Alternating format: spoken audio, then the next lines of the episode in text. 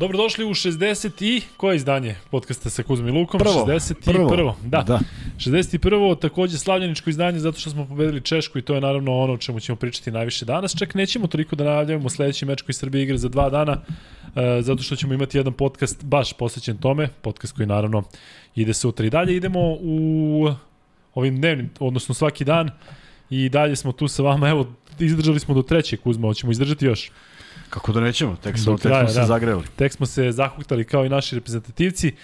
Pričamo o Srbiji sa vama i jedno čekamo da nam kažete šta ste videli protiv Češke, ali za početak da pozdravimo e, sve one koji su nas e, zapratili u poslednje vreme, imamo zaista neke rekorde, postavljamo zahvaljujući naravno i onome što se dešava, ali evo, ostalo mi od juče Srki je ovo To će biti sad ostavio. tu. Like, ako ima neko iz Like, nek lajkuje, imamo i sa druge strane subscribe, ali stvarno, e, što nam više objašnjavaju te algoritam, stvarno je bitnije da sve je bitnije da, da to uradite i možda ćemo onda počinjati na vreme. Čak sam našao vezu između toga da ljudi lajkuju i da mi počnemo na vreme. Sigurno si našao neku vezu, a ja da ti kažem imaš da nam je rekao, Marko, rekao. Marko Ignjatić poslao, pa je sad ovo. Da je broj 61 nosio Dave Piontek u NBA sezoni 62-63 za Cincinnati Royals. E, da Svaka pazi. čast na trudu. To je današnji 61, Sacramento 62, Kings. 63. 61 broj u sezoni 62, Tako je, viš kako je 63. to I simbolično. vjerojatno je Zato je on uzao, 64 zato je uzao da, da. 61, zašto igrao te godine. Da, evo ovde pričaju o majici Tylera Dorsija, ja koliko znam, uh, ja sam rekao da on Amerikanac, uh, Tyler Dorsey možda igra i za Izrael, isto tako ako igra za Grčku, zato što mu majka pola uh, iz Izraela, pola iz Grčke, pritom je rođen u Izraelu, a otac mu je afroamerikanac, tako da bi mogu da igra i za neke afričke zemlje. Tako da je on u suštini Amerikanac, sada se svi hvataju za, za Filipinca e, Clarksona, ali jednostavno ne kažem da su ga birali, e, ima, postoji ta veza, ali nije to baš tako veza kao što deluje da jeste, zato što kaže majka mu je po ocu Grkinja, dakle deda mu je Grk, a po babi je Izraelac, rođen je u Izraelu i čak ima neka priča da ne znam koliko dugo nije bio u Grčkoj, ali dobro, e, to će biti nešto sasvim drugo. Elem, Kuzma, ajde za početak da e, se zahvalimo i našim patronima, Da. da kažemo I da nam je stižu majice, e, da kažemo da e, ćemo pisati knjigu i da ćemo raditi podcast Stani malo, puta da dnevno. završimo prvih o- 18 ovih epizoda koje su jako dobro krenule, bar po gledanosti zaista sam ovaj, fasciniran i koliko ljudi čeka i koliko ljudi učestvuju u kom, kom, komentarima, u komunikaciji s nama. Ja ima jedan divan ovaj, komentar, sad da ga ne parafraziram, Pa pročitat što nisi ga. pogledao malo pre kad si pričao ne, o evo, vidiš mi pada, 61, to mi sad 62, pada, to mi 63. sve sad pada slučajno na pamet. Um, Samo da setim ko je to napisao. Ne, zaista ima jako puno fantastičnih komentara i zaista ste uz nas. I e, ono što je jedina loša strana toga što imamo ovoliko vas u live-u i svemu, to je što ne možemo da pohvatamo sve da što odgovorimo. pišete. Dakle, juče je bilo nekoliko fantastičnih pitanja. Bio je i momak e, koji je pitao za Paypal i na tome radimo da to otvorimo zato što ima onih koji hoće da nas podrže na taj način. U svakom slučaju imate tu opciju Patreona, imate e, opciju da se pretplatite, što bi rekli da subscribe-ujete i naravno opcija tog lajka koji vama zaista nije ništa, a u tom nekom algoritmu podcastu Luka i Kuzma može, može nešto da znači. E, slušaj kaže Mihajlo Samarđić. Kaže, jel znamo potvrđen termin za danas? Ja napišem u 23, a on kaže koliko će mi nedostajati ovi odgovori u roku od odmah kada budete imali 100.000 pratioca. Ali šta je tu? Ne, ali pamtimo, što je najgore pamtimo, dakle, čak možemo da Neki, ne, povežemo ne, da. neki, znamo odakle Tako ste. je. Ono kada ja tražim na kraju ponekada da kažete odakle ste, to je da bismo mogli da vas povežemo gde ste, šta ste. Sad čak znamo i neki od vas koji su u Beogradu, koji, si, koji su deo grada. Pa imamo Alen Iversona, mislim, koji je iz Arilja, koji malo, malo pa šeta po, pa kaže sad sam tu, sad sam ovde. Tako da, e, pamtimo i vas koji ste sa nama od početka. Um, sreća zaista da nema nekih loših komentara, ima nekih ljudi koji su nervozni pa onda nešto napišu, pa sam čuo da čak mi drugar kaže da oni na nekim drugim podcastima i nekim drugim formama svuda nešto troluju kao onaj burazer što juče vikao da ne valja Da to. se ne čuje, da. Da, ali dobro, to su kažem Dobro, neke dobro, uspela mu, stvari. uspela mu je fora. Jeste i eto, i bio je u centru pažnje, ali e, ono što je fenomenalno, kažem, to je da smo u ovolikoj meri zajedno, da ovoliko radimo zajedno, da je ovoliko čista priča i kažem, baš, baš uživamo sa vama i nadam se da je, da je obostrano. E, Kuzma, da krenemo od meča Srbije-Češke, kao što sam ti juče pitao posle pobede one prve protiv Holandije, ajde onaj prvi opšti utisak, bez okretanja na igrače, to ćemo pojedinačno da, da prolazimo. E, činjenica da Satoranski opet nije igrao, to jest da je igrao, da nije igrao za razliku od utakmice u kojoj nije postigao nijedan poen i verovatno je procena da treba da se Da fokusira misliš na neke opet utakmice. nije igrao u smislu ovamo nije dao nijedan koš, a sad da, igrao pa da, kao da, da, nije. Da. da. Ovde baš nije igrao i verovatno su se e, fokusirali na to da odigra te utakmice koje će im ipak život značiti, o, to nije bila utakmica protiv Srbije sigurno. Možda u tom nekom razmišljanju kod igrača dođe i ono prvo polovreme koje je bilo zaista izuzetno, bez ikakvih e, minus faza, možda zaista dođe do tog momenta da se nekako igrači žele da se malo prištede i opet isti, isti sličan scenario protiv malo opasnije ekipe, jer Česi jesu opasniji, Uh, ali opet bez neke nervoze jer je razlika bila dovoljno velika bez obzira na neku seriju Čeha. Ono opet što mi se nije dopalo što smo opet te periode rešavali šutem za 3 poena.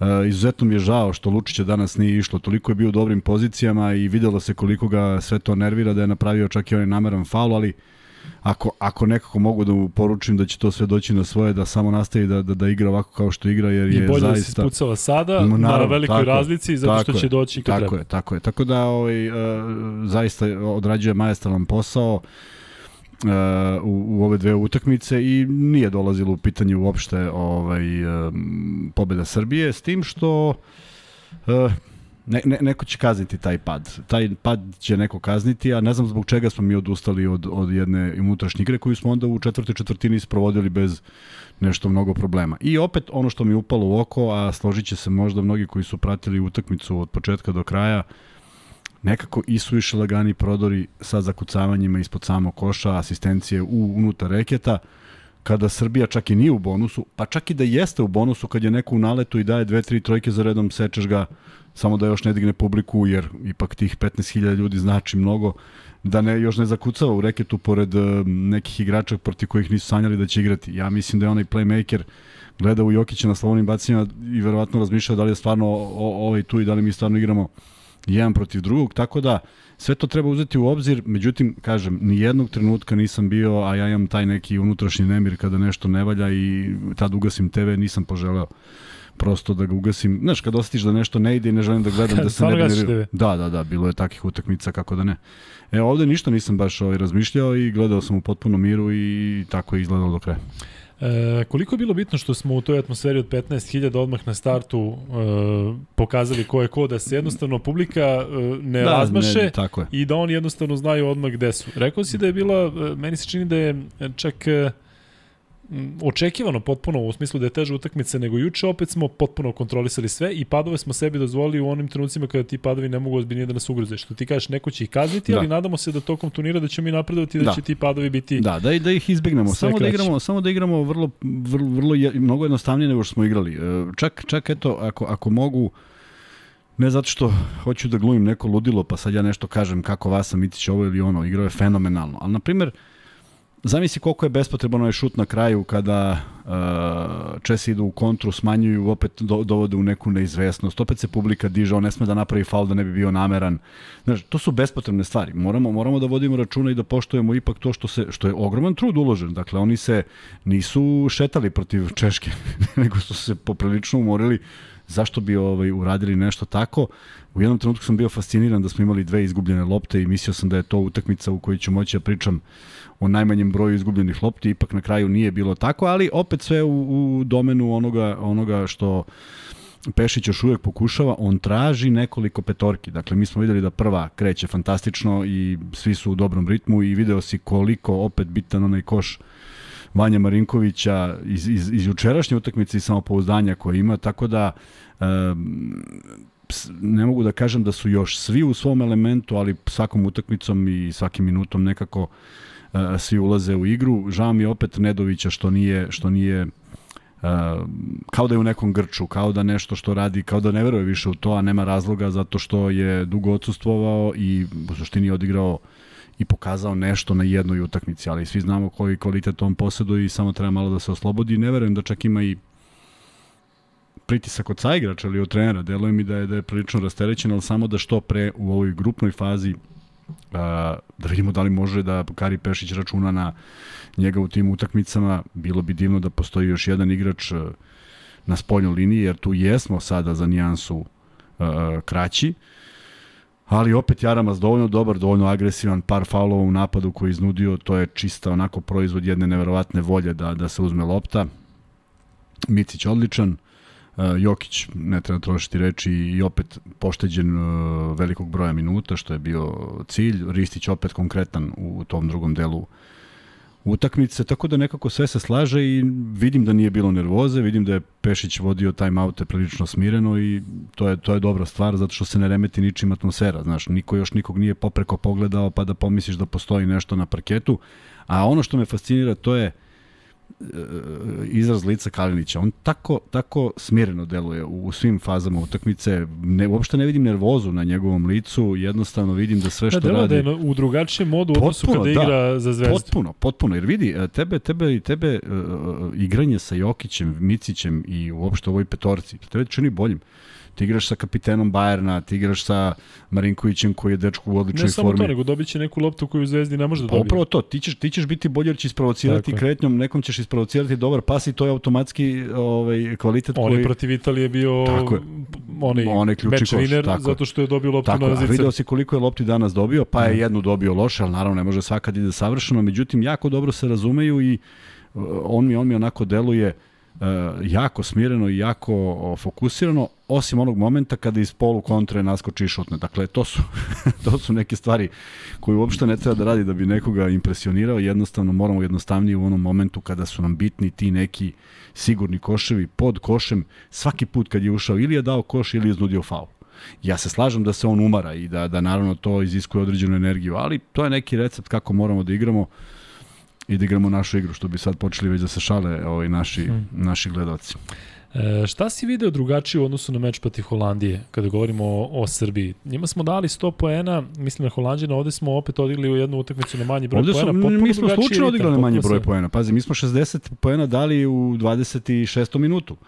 Dakle, pretilo je da bude opet nekih 90 ne mora, ne mora 100, ali prosto promašili smo neke otvorene šuteve i ubrzali igru na neke šuteve koje prosto nismo navikli. Onda kažem, znaš kad se desi taj dan, eto, e, Lučić koji je sve što radi radio u punom intenzitetom promaši zicer, što mu se verovatno nikad neće desiti, slažem se da je bio i kontakt, ali prosto, znaš kad uđeš u neki maler i samo želiš da prođe utakmica i da, i da taj dan bude iza tebe, međutim, pozicije u kojima smo se mi nalazili opet su bile poprilično otvorene i poprilično dobre. Naravno, ja uvek smatram da šut nije nešto u što se treba uzdati. Evo, gledali smo ko je gledao sad utakmicu Grčka i Italija, Dakle, prosto meni je neshvatljivo da, da ljudi 4 minuta, treće četvrtine nisu ušli u reket, a i kad su ušli izgubili su loptu. Znači, to samo paljba.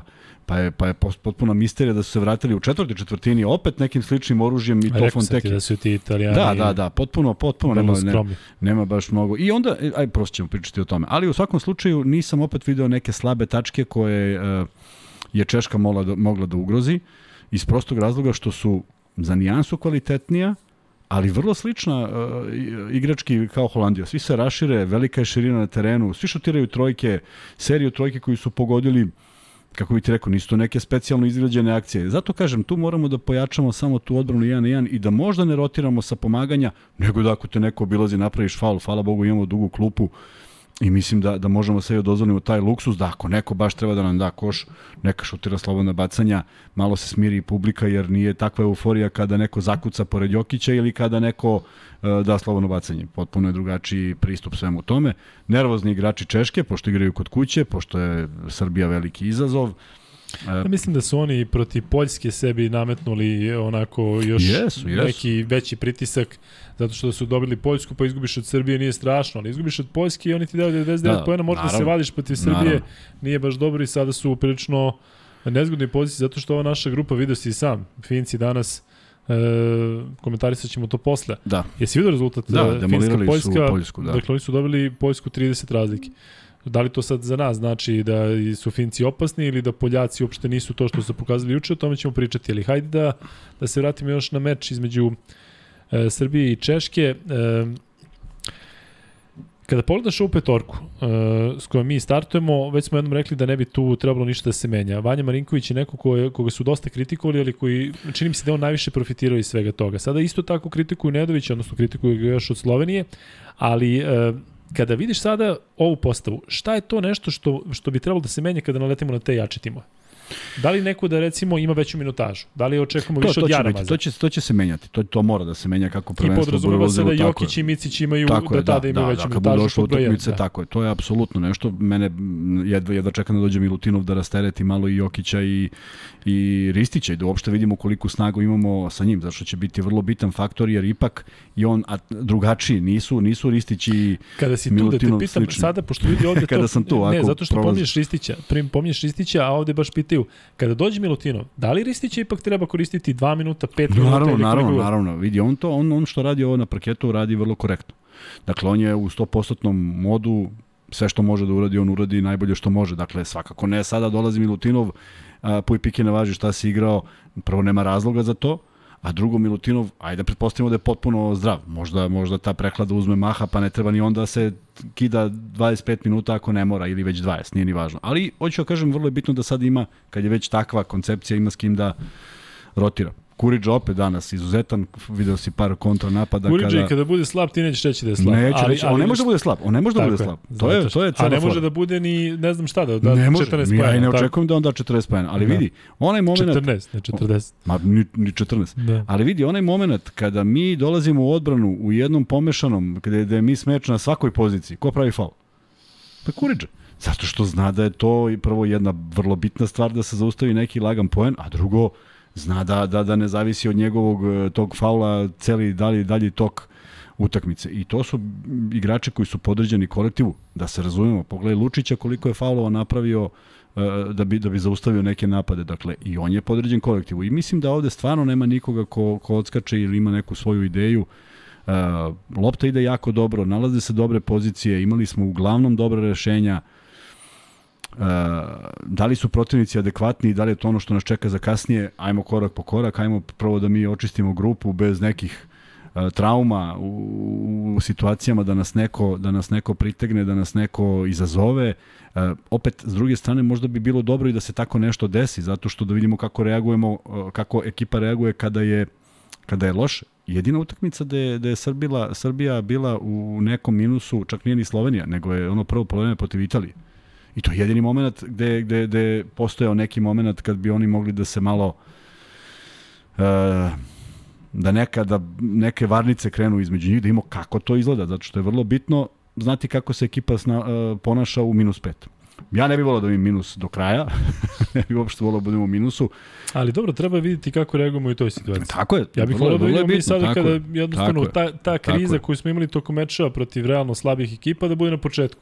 Pa da se onda vadimo. Kada Ali vidi, i Jokić ovo, i je- i Micić ovo je, moraju da igraju. Da, ali ovo je minus. Znaš, i ovo ti kad sabereš i kažeš 22 pa 9, i to je minus 13. Ali je očekivano. Ja sam u jednom Ja trenutku mislim, očekivao ja da, mislim, Česi, da. da. Česi zapnu Pa- malo. Nisam baš očekivao možda se Ej, spusti čak na mislim da nisu minus. zapali, samo su počeli da igraju Jeste, nešto što i je manje, manje obaveza par na trojki i to 22 je i to. kažeš ajmo da probamo. Isto su to uradili Turci protiv nas i, i nema tu sad neke mnogo filozofije. To su njihove igre, kao što su Holandjani pogađali do određenog momenta, pa više nisu tako. Evo, Česi prvo po vreme ništa nisu mogli da pogode, drugo jesu.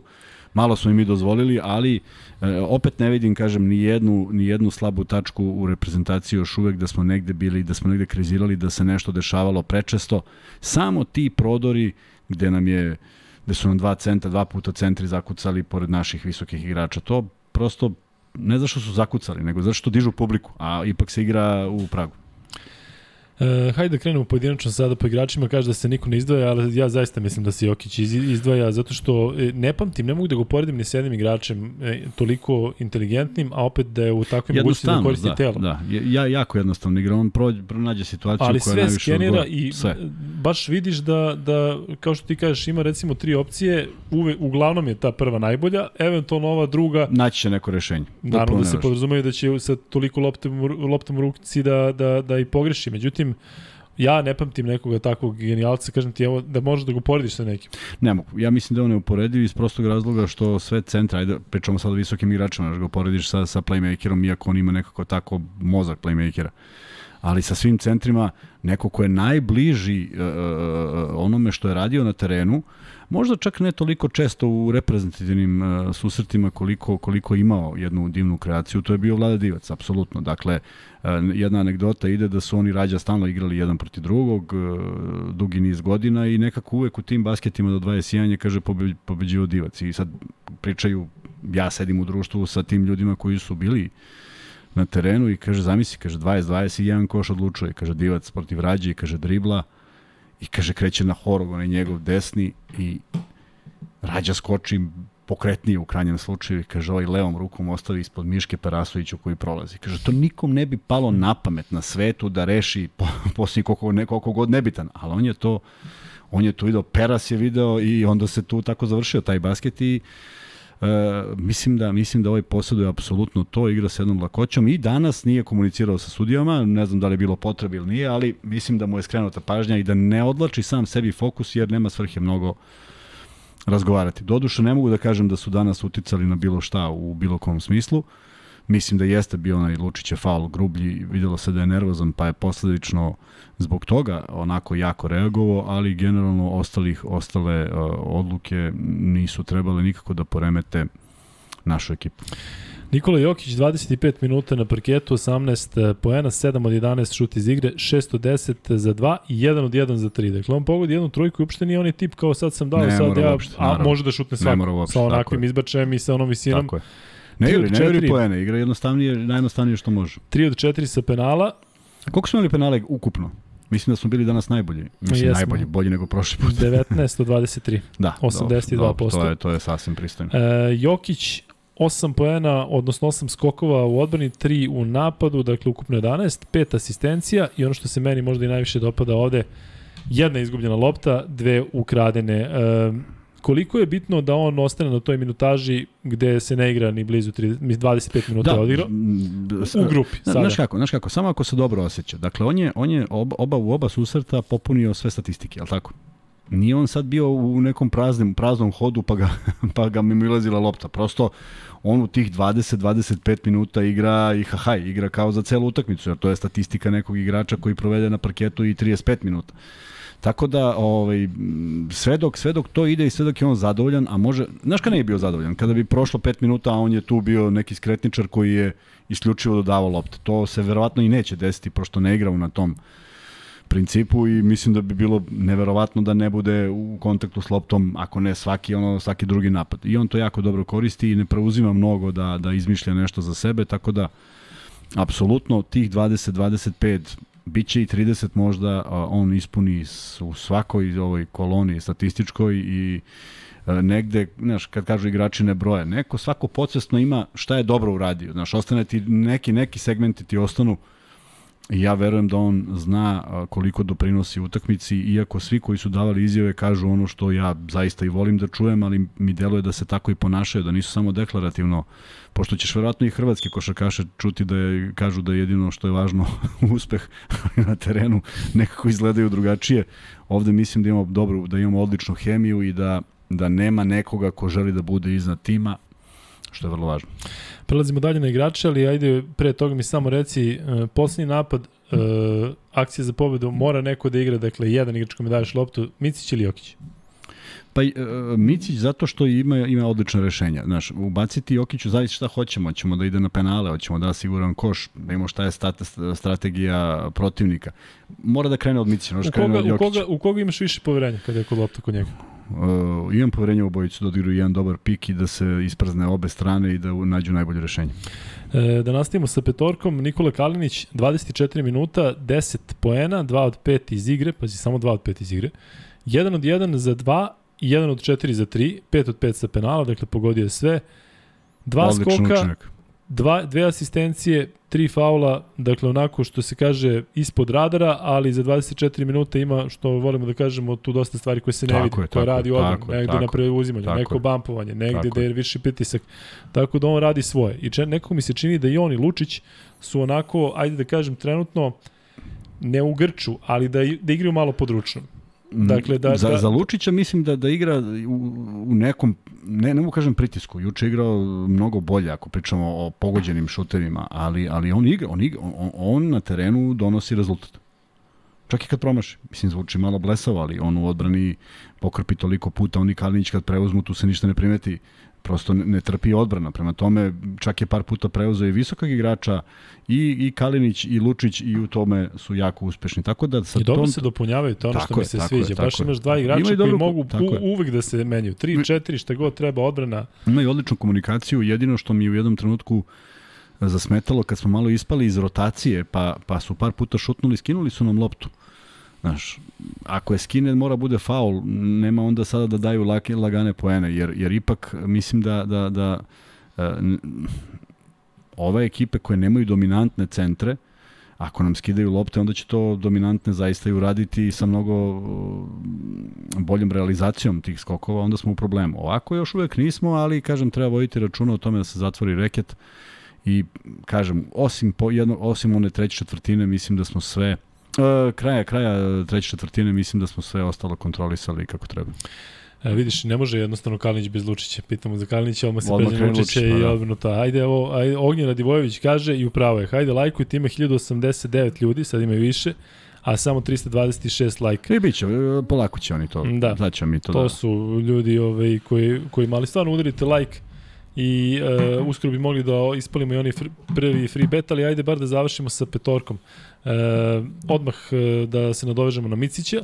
Dakle, Micićeva statistika izgleda ovako protiv Češke. 20 i 9 minuta na parketu, dakle on je bio najviše na parketu, niko nije igrao više od 30 minuta. Ko? 13, Vasa Micić. Aha. 13 poena, 5 od 12 šut iz igre, 3 od 6 za 2, 2 od 6 za 3, 1 od 2 sa penala, 4 skoka, 6 asistencija, jedna izgubljena, dve ukradene. Da li možda treba da nas brine tih 5 od 12? Da li treba me brine? Da li treba da nas brine Micićevih 5 od 12? U smislu, nije se to toliko primetilo, rekao si da Ne. ima jedan nerezonski šut, dakle on je pogodio i kada treba, Da, da, da, dodao pogodio kada treba. trojku kad treba, uradio je mnogo toga Tako i je. onaj lep ulaz kad je zastao pa raširio odbranu, svi se pomerili i on otišao do kraja. Samo onaj, samo onaj poslednji, zato što ulazimo u fazu kada smo malo, malo u nervozi, malo u nervozi jer smo izgubili veliku prednost i ne treba sada da damo neku I on je čak krenuo da napravi faul i zaustavio se u posljednjem trenutku jer da se ovaj gicnuo bez kontakta, pitanje je da li bi sudije možda to svirali, onda ulaziš zaista u problem i nervozu. Tako da, Uh, sem, sem tog, doslovce sem tog, sve mislim da je neko funkcionisalo i moramo, moramo, čak vidim da ponekad traže još bolje rešenje od dobrog rešenja. Znaš, napravimo nekad čak i pas više bez razloga. E, koliko god je bilo dobro ono što je stiglo do, do Vanja Marinkovića, to je stiglo zaista u, u, u 0,1 e, vraćale su sudije, pa je lopta bila na polju, dakle, desetinka je odlučivala fasciniralo me kako je Vanja smiren šut uzeo. Znaš, on obično ljudi kad im dolazi lopta, obično je Obično izbace što pre. On je uzeo onaj pravi šut sa, sa, sa svojim naskokom i izbacio na vreme. E, tako da ne treba preterivati u toj nekom, tom nekom traženju pasa i e, vrlo, vrlo bitna stvar biti stalno fokusiran ko je tu na terenu taj koji postiže poene. Dakle, ako je, ako je, ako je lopta došla do Kalinića koji je šutnuo 2-1 do tog momenta, pa naravno, zašto bi sad tražili mi nekog novog u, bolj, u još boljoj poziciji kada je ova već dovoljno dobra. Tako da treba malo jednostavnije nekad da igraju, ne da igraju a, a, toliko nesebično, zato što mislim da su rešenja kad je neko, u- kad je, kad je kao Vanja Marinković u, u šutu, pa naravno da je logično da on uzme, bez obzira da li je on za, za, za nijansu u lošijoj poziciji od sledećeg pasa. Prosto uzmeš šut i kažeš ja šutiram zato što sam vruć i tako treba razmišljati. Ti Kuzma nisi vrući temperatura spala u odnosu na onaj podcast od pre 10 dana. Jest. Zamisli jest. E, Vanja Marinković, o njemu zaista volim da, da pričam zato što je momak čini mi se najviše oduševio zato što od svih smo, ne možeš da kažeš da od ove četvorke, evo ako govorimo o toj četvorci, stvarno očekujemo njih da igraju dobro, igraju dobro. Micić, Jokić, Kalinić, Lučić, ali Vanja Marinković je juče šutirao 5 od 8 trojke, danas je šutirao 3 od 5 trojke.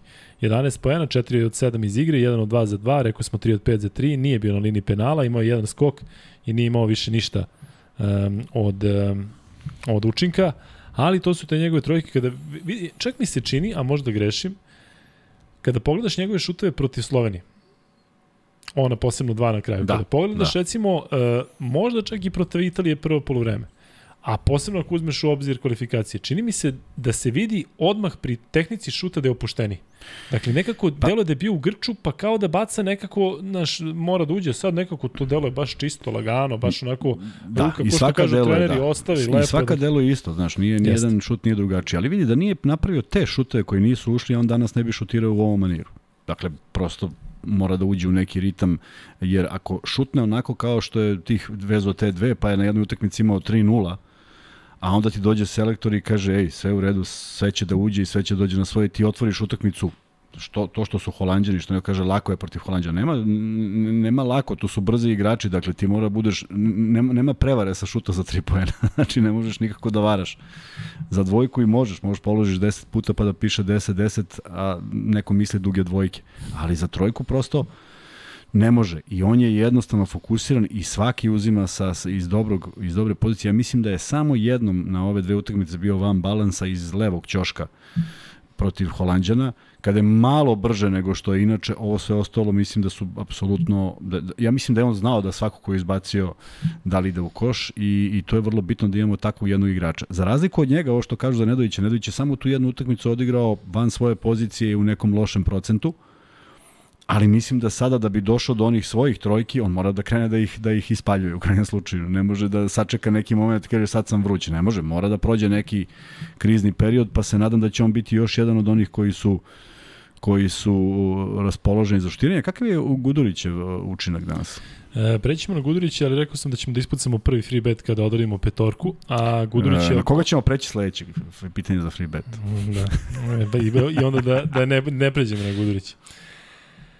Drugari, ajde sad svi da udarimo like pre nego što ovaj, krenemo na taj prvi free bet. E, bilo bi zaista lepo da evo, sad smo na 450, ali da odemo na preko 500 lajkova i mnogo vas je u live-u i zaista je fenomenalno. Iskreno da ti kažem, nisam očekivao da će biti recimo takav po, takva posjećenost kao juče zato što ipak je subota. Da, da, da, da. Drugo prošlo je, prošlo je ipak malo vremena od utakmice, juče smo išli odmah posle utakmice i zaista je fenomenalno biti sa vama na ovaj način. Prvi free bet uh, ću da ispucam ja, neće se ticati konk konkretno ove utakmice, ali ajde malo da pokušamo da nagradimo, odnosno da uh, istorimo u prvi plan vas koji ste sa nama dugo. Hajde nabrite tri aktivna igrača koji su bili gosti u podcastu sa Kuzmom i Lukom. Dakle, tri aktivna igrača, znate da smo imali mnogo gostiju, ali ajde tri igrača koji su, koji su i dalje profesionalci, i dalje igraju i ko e, prvi stavi trojicu, taj će dobiti free bet, a ko dobije taj prvi free bet, šalje maxbet ID na e, Luka i Kuzma Instagram. Kuzma, tamo imamo e, neki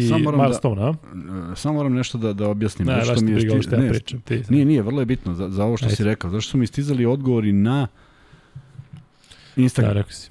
Da, da. Dakle, to su ljudi koji su vjerojatno novi. Da, novi. Dakle, uh, odgovor mora da se da, da mi ga ovde pročitamo, da ne bude da smo mi nekoga promovisali, a nije odgovorio. Dakle, pred svima ko je odgovorio, zna se ko je odgovorio i onda se nakladno pošalje Uh, ime i prezime i ID free bet. Da, jedino što dakle validno da stavite ovde u, u četu i to je to. Tako je, to je jedino što se računa. Anđus Mitrović Jović, Jovan Gvozdić je odgovorio prvi. Uh, I to je to. Dakle, Jovane, mislim da si već dobijao, tako? Jeste, Gvozdi, Jovan je dobio. da, Jovan Gvozdić je prvi, a Kuzma, Kuzma poslao? Kuzma što je dobio juče. Voja, Voj sam poslao, dobili su. Ja mislim da su da si ima Lego free bet. Ekstra. Tako da, dobro, e, evo vidimo ovde, ovde su odgovori super. E, dobro, i evo nas na 493 lajka, blizu smo 500, tako da eto i taj milestone, ali na Instagramu smo došli do, do 500 lajkova, tako? 500 do lajkova. 1000 onih, čega već, 1000 Na pratilaca. Instagramu smo došli do neverovatnih 1000, ne ovo je moje. Čekaj. Pa i ti si tu negdje na 1000. Ja sam na 1584. Da, ali ti imaš Instagram od, Od, 16. od godine. 1817. Da, da. I E, uh, mi smo na Instagramu na 1015. kažem ti. Da, da, i to 15 Meni u javljaju, poslednjih dva dana. čestite, me, na što mi ne čestitaju. Elem, uh, na Instagramu... Ne čestajte Luki ništa za Instagram. Tako da. Zato što Luka u Instagramu nije baš uključena, ali slikam se. Evo, tako, slikam se kad god se nađemo negdje, slikamo se, ali na Instagramu možete da vidite te objave ili kako to već ide. E, Kuzma to non stop refreshuje šta radi, se pravi to izraz. Kako lepo objašnjaš. Ali e, ono Svako što je da zanimljivo sluša. i što e, treba da vidite, to je, dakle, vi koji niste videli, ako još ne znate. Dakle, taj e, intervju sa Šarencem je bio, koliko mi se čini, najgledaniji naš i imali smo neki tehnički problem, pa smo mi praktično neki pola sata odradili onako, što bi se reklo, uz vetar. Međutim, najava gde ja nešto kao, a, Kuzma nešto smislio, ajde da vam ne otkrivam sada, vi koji niste videli, možete vidjeti na našem Instagramu, dakle, e, kako je počeo taj uh, Zvanični podcast, početak tog koji, podcasta. Da, koji ne može, to je, ne postoji više, tako, to je samo kod nas na Instagramu i moguće, to negde... Moguće, da. Da, e, potpuno drugačije je počeo podcast kada smo se vratili na naš kanal, u svakom slučaju, e, eto, razlog više da, da imamo i Facebook, tako već? Kako da nemamo? Šta imamo imamo? sve što Facebook, mladi vole. Instagram, nemamo Paypal, nemamo, da. Samo to nemamo. Tako je. E, da pređemo onda Kuzmana Gudurića, on je u stvari e, danas neko koji, ko, kada pogledaš statistiku, imao je najgori procenat šuta, on je imao 2 od 6, dobro, Jarmaz imao 1 od 4, Dobro, Lučić imao 2 od 9, e, to sam... To sam e, Nije mi to važno. Samo da kažem da si, e, pričali smo o statistici cele, pet, cele petorke, međutim prešao si sa Kalinića na Lučića i stalno njih e, stavljamo u isti koš, ali treba reći da je Vladimir Lučić odigrao 23 minuta, 6 pojena, 2 od 9 iz igre, 2 od 6 za 2, 0 od 3 za 3. I slobodno sve, sve 2 od sam, 2, sve sam na trojkama. Prosto 4 skoka, dan kad neće. da, tako da e, ne treba da nas zabrinete. Ne, tako? ne, ne, ne, ne, ne. To su sve pozicije iz koje on ni jedna pozicija koju je uzeo nije bila ishitrena, nije bila proizvod nekog sad njegovog dokazivanja da on možda šutne preko igrača, tražio dobre pozicije, iznervirao se zbog toga, vidno se iznervirao, ali kažem, ja verujem da su već na sledećoj utakmici to će izgledati drugačije. A ono što je, što je, e sad, on je, on je neko ko radi sve. Ja sad ne mogu da kažem da Gudurić nije igrač koji uh, folira defanzivne zadatke, naprotiv, vrlo je korektan u defanzivi i sve to što radi, ali uh, od njega očekujem da bude u boljem procentu. Od Lučića kada, kada nije u dobrom procentu nemam problem, zato što znam da će uraditi još sto nekih stvari, a kod Gudurića volim da vidim jer mu je to ipak najjače oružje. Kao što je e, Lučić neko vreme nevidljiv na terenu, a radi sve živo, tako je kod Gudure kada on jednu onu uzme pa drugu i kad počne da sipa to ne može da prestane. Tako da ta jedna pravi razliku. 3 od 6 je sasvim ok, nije ni 2 od 6 ništa e, loše, ali prosto volim da ga vidim u dobrim brojevima jer on je igrač rezona, nikada ne šutira e, da bi, da bi postigao taj koš, da bi on nešto zabeležio, nego jednostavno vrlo je umeren u, u tome i onda mnogo mu je lakše da, da, da, da se odluči za sledeći šut ako je u dobrom procentu, jer onda ima i veće samopouzdanje i ne pravi nekakav problem u ekipi. Hajde da se malo zadržimo na tome, dakle, to što kažeš radi sve na terenu. Dakle, ti si, sećam se, koliko se sećam, bio sličan tip igrača da se jednostavno trošiš svuda non stop. To rade Lučić, to radi Kalinić. Ja recimo nisam uopšte bio taj tip. Ja sećam se na koleđu da mi ovaj uh, Argentinac koji je sa nama igrao jedno vreme, kratko vreme, Lukas Picarelli, on je saista bio fantastičan igrao posle prvu argentinsku ligu, ja mislim baš za Boku. On mi je rekao da obožava da igra odbranu. A ja recimo sam se tad, tad sam tek shvatio koliko ja ne volim da igram odbranu, koliko sam koncentrisan na napad, tu sam ako treba nešto da se pomogne, da se udari neka blokada, ali više sam bio koncentrisan na napad. Koliko se zaista troši igrač uh, u odbrani koji mora da pokriva sve, da preuzima, da radi, a očekuješ od njega u napadu. Pazi, ja, stvari... mislim, ja mislim još više nego tada. Dakle, sad je atletika najosnovnija stvar i mislim da je potrošnja još veća. Tako da igrati na oba kraja terena je zaista zahtevno. Međutim, e, i, i Kalinić i Lučić koriste svoja tela zato što su u stanju da čuvaju i niže i više igrače i prosto gde god da ih zarotiraš znaš da neće ispasti iz, iz odbrane i naravno da negde malo uh, trpi, trpi ta neka svežina u napadu. Uh, opet, vrlo je bitno da uh, koja, mi je, koja mi je osnovna razlika između, između Kalinića i Lučića. Video si kakvu inicijativu ima Kalinić kada, na primjer, proceni da nije danas u šutu. I onda on četiri puta se spusti ispod koša. Naravno da mu to omogućava činjenica da ga čuva niži. E, to treba da radi Lučić kad ga čuva niži. Znači, ako dođe u situaciju da on može to da odigra, jer zna da odigra, upravo treba tako sa tih, sa strane, nešto smo juče pričali da nam je potrebna ta igra iznutra, da ne bude da se svodi samo na Jokića i Ristića i to su danas jako dobro koristili pre svega Kalinić. Tako da, e, samo je bitno ubaciti se u utakmicu jednostavnim poenima, jer kažem, Lučić se iznervirao zato što je sve što je šutno bio potpuno sam, a čak kad zicer promašiš, onda ti je još verovatno e, veća nervoza i, i, i samo treba da se smiri, on ima pazi, on nema slučajno tu sad neku kapitensku ulogu, dakle, uh, što bi rekli, kapitan ima blanko, on može šutni još sedam puta i da ne pogodi. I stvarno mu niko ne bi, niko niko mislim, ne, ni ne, popreku da ga upravo pogleda. to, upravo to. I samo treba da mu se kaže, ne samo, ja verujem da ga svi bodri, samo da ne uđe u razmišljanje šta će bude na sledećoj utakmici. Da sledeći šut koji treba da uzme, uzme kao da je to prvi šut u sezoni i samo otvara sezonu. Dakle, ne šta je bilo juče. Ako, ako se o tome razmišlja, onda stvarno nikad ne možeš da, pogotovo u sistemu takmičenja da nema pauze, nema sad odmora. Ja ne znam da li će, da li će biti trening, verovatno će imati neki šuterski trening, ali kažem, ako se desi da, da, da ponovo uđe u utakmicu, onda možda neki, nekim lakšim poenima zbog sticanja samopouzdanja i ja mislim da on to može i kada se stušti prema košu na ulaz kao što je radio protiv Holandjana, ne vidim da, da, da može da ima problema. Ovde me pitaju da li ja mislim da Italija i dalje kante ekipa posle ovog meča večeras. Pa nisam ja nešto, Bog zna kako promenio mišljenje što se tiče Italijana. Zbog posljednje četvrtine, zbog toga. Pa zašto su kao dodali. Zbog to ono čemu, što je, što je pogodio. pričam sve vreme, da oni, oni mogu daju 40 pojena u četvrtini, mogu daju 4. I kažem ti, te ekipe su i najgore zato što oni koji znaju da igraju, ako imaš recimo ove ekipe koje su dominantne, znaće to da iskoriste. To što ti kaže za nas, plašim se šta će biti kada smo u padu i onda nas neko sačeka koji je kvalitetno. Ja ću pokušati da, da, se, da se setim ovoga što sam gledao pre što sam došao ovde. 3-3 trojke, 9-0 serija protiv Grčke, onda 4 ili 5-0 šut za 3, pa to je bez ulaska u da. reket, od toga primaju 9 sa sve izgubljenom loptom na pola, primaju 9 i onda jednom ulaze u reket i gube loptu, dakle bolje da ne uđu u reket. I kad sam dolazio vamo, potpuno sam šoku da su, da su 10, 10 razlike napravili u posljednjoj četvrtini. Ne znam šta je to Grčka loše uradila. A opet, evo sad, a, a, ajde, poslije ćemo pričati o tome. Da, ima vremena za da. Italijane, ali evo, videli ste sad da se i Kuzma slaže ovaj, da šta su Italijani. Da. Ajde vi, dok, se, dok ne nastavimo, a krećemo dakle nove ostale igrače koji nisu u petorci, ajde nam vi napišite, uh, želimo da čujemo vaše mišljenje, uh, Ko mislite da je, dakle, od 1, 1 2 i 3, ko mislite da je najbolja opcija za kapitena? Mi se slažemo da je Lučić, sada Bjelice nema, on je bio ko kapiten, nema, međutim da. čovjeka nema, tako da je jedini kapiten Lučić. Ali pod 1, 2 i 3 stavite ko je po vama za ovu ekipu najbolji kao kapiten.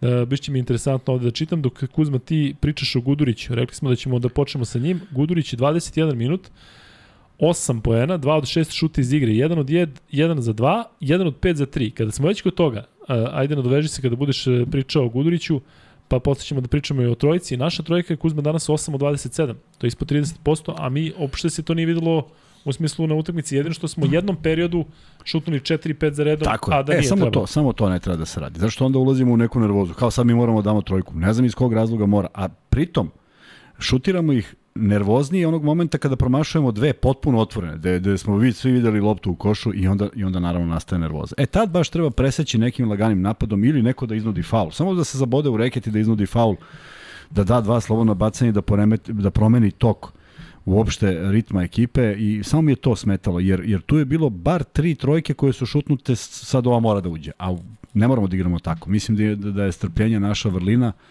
i što strpljivije igramo i ne jurimo, jer nemamo gde da jurimo, uh, opet smo jedno prvo polovreme odigrali u našem ritmu, potpuno bez nekih euforičnih dodavanja ili bilo čega, sve jednostavno, sve na tenane, sve polako, bio sam izuzetno zadovoljan. I kažem, mislim da ću pričati o malom broju izgubljenih lopti. Koliko smo na kraju imali izgubljenih lopti? Mm, imali smo pet. Pet? Samo pet, da, za celu utakmicu. Pa dobro, to je ipak fantastično. Dve Mislim Jaramaz, da po jedna Gudurić, Micić i Jokić. To je fantastično. Stvarno je fenomenalno. Da, da, da, ne, ja sam samo mislim znači, da mi je upalo u oko te ti promašaj, pa, pa sam ih tako Osam ukradenih, pet izgubljenih, čim je plus da. ukradenih, to je, to je odlično. Kuzma, nastavi samo što se tiče Gudurića. Ništa, on igra svoju igru, s obzirom da je pauzirao i on dugo mi ja ni izvini nije realno da od njega očekujemo da on bude pravi Gudurić odmah tako ne naravno ali već je on dovoljno dobar zato polako će on biti ono što treba i naravno, vidi, i on kad promeni poziciju nije više u istim kretnjama. Video si koliko je puta prenosio loptu danas, koliko je igrao na poziciji 1, odradi on to kako treba, ali to znači da negde nemaš tog Gudurića u ćošku koji bi trebalo dobije taj pas. I to je vrlo prosto, pošto on neće sada da izmišlja neke poene koje nikad nije šutirao. I, i, I zato mislim da postoji za sve njih opcija, samo da se nađe svakome uloga, jer još uvek nisu svi pozicionirani tamo gde treba i tome služi ova uh, grupna faza koja je na našu sreću ipak, e, ako pogledamo druge grupe, za nijansu lakša i omogućava nam da možemo lakše da dišemo i da nemamo problema kada smo u tim nekim 2-3 minut, minutnim pauzama što se koševa tiče. A, s, s kim igramo sledeću utakmicu? Sa Finskom? Finska za dva dana. E, to će biti interesantno Polako, zato što... do Finaca, da. pričat ćemo sada kad budemo pominjali njih u ovom, ajde da se zadržimo dobro. samo kod naših, kod ovih igrača. Da, Kuriđa, odličan, Ajde idemo jedan po jedan. Dejan Davidovac, 12 minuta, 2 poena, 1 od 3, 1 od 2, 1 od 3 za, iz igre, 1 od 2 za 2, 0 od 1 za 3, jedan skok e, u napadu, jedan u odbrani, dakle ukupno dva skoka i to je to. A da li se više očekivalo od Davidovca? A, posle prve utakmice onako kako, se- kako je sarađivao s Jokićem, da. Misliš na Sloveniju? Mislim na Sloveniju, da. Što ne znači da neće doći tih njegovih pet minuta. A, mi ne znamo koje su im direktive i kretnje i kako treba da se ponašaju. Ja znam da on nije neko ko će uzimati šuteve na, onako da mu padne na pamet pa baš on nešto da kreira zato što je čovek koji prati ideju, prati akciju, ne iskače iz svega toga. Mislim da i mogao malo češće da iskoči u nekoj inicijativi kada igra protiv nižeg igrača ili da da neki lagan poen, pošto nas je navikao na te a, lagane poene ispod koša, šunjanje po out liniji i kad primi samo jedan okret, ali mislim da će to doći na svoje. Nije on u onom elementu u kojem ga poznajemo, ali, ali bi bilo zgodno da, da, da i on za koju, za koju utakmicu uđe i da bude opasniji po koš. Ovo što radi na terenu defanzivno i pravljanje faulova i zaustavljanje i rotacija, mislim da je vrlo korektno. Kad smo već kod toga, pravim sad digresiju, ali često zaboravim to da te pitam, da li je zabrinjavajući, opet ja brinem, brane sam se plašio, ali Dejan Davidović je jedini igrač u reprezentaciji koji je prošle sezone igrao u domaćoj ligi u Partizanu ili Zvezdi. Sada je on otišao u CSKA, pa je jedini igrač za narednu sezonu Nedović. Mislim da nikada nije bilo toliko malo iz, iz uh, Zvezde ili Partizana. Pa ne mogu ti kažem, zaista. A, stvarno ne mogu... da ja Ne, Ne, ali generalno... Evo, ja, ja ne mogu dobacim do pre pet godina. Pa evo, na evropsko 2017. smo imali. Imali smo um, Jovića, Dobro. imali smo... A bio Marković? mm, 2017. Mislim da nije. Jeste, bio je. Ona i da je bio, nema veze. Nije igrao kod nas. Da, nije igrao kod nas, da. E, ali svejedno, nije baš za Pa pohvalu. nije, nije, ali vidi, e, prozore, prozore i ne, ajde sad pričamo nešto, nešto kako je krenula sezona. Smajlagić je krenuo fantastičnu sezonu, igrao u tim prozorima jako dobro. Oni i Avramović su činili taj neki tandem koji je, koji je mogao da se poznaje na terenu, imali su jako dobre minijature u, tom periodu, tako da Dobro, E. da li misliš da bi Smajlagić bio u 12 i da je 1000% ne znam, zdrav? ne znam, ne znam zaista. I ljudi mislim ovde da dečko- pitaju za Mitrovića, zašto Mitrović uopšte nije ni, ni u jednoj kombinaciji.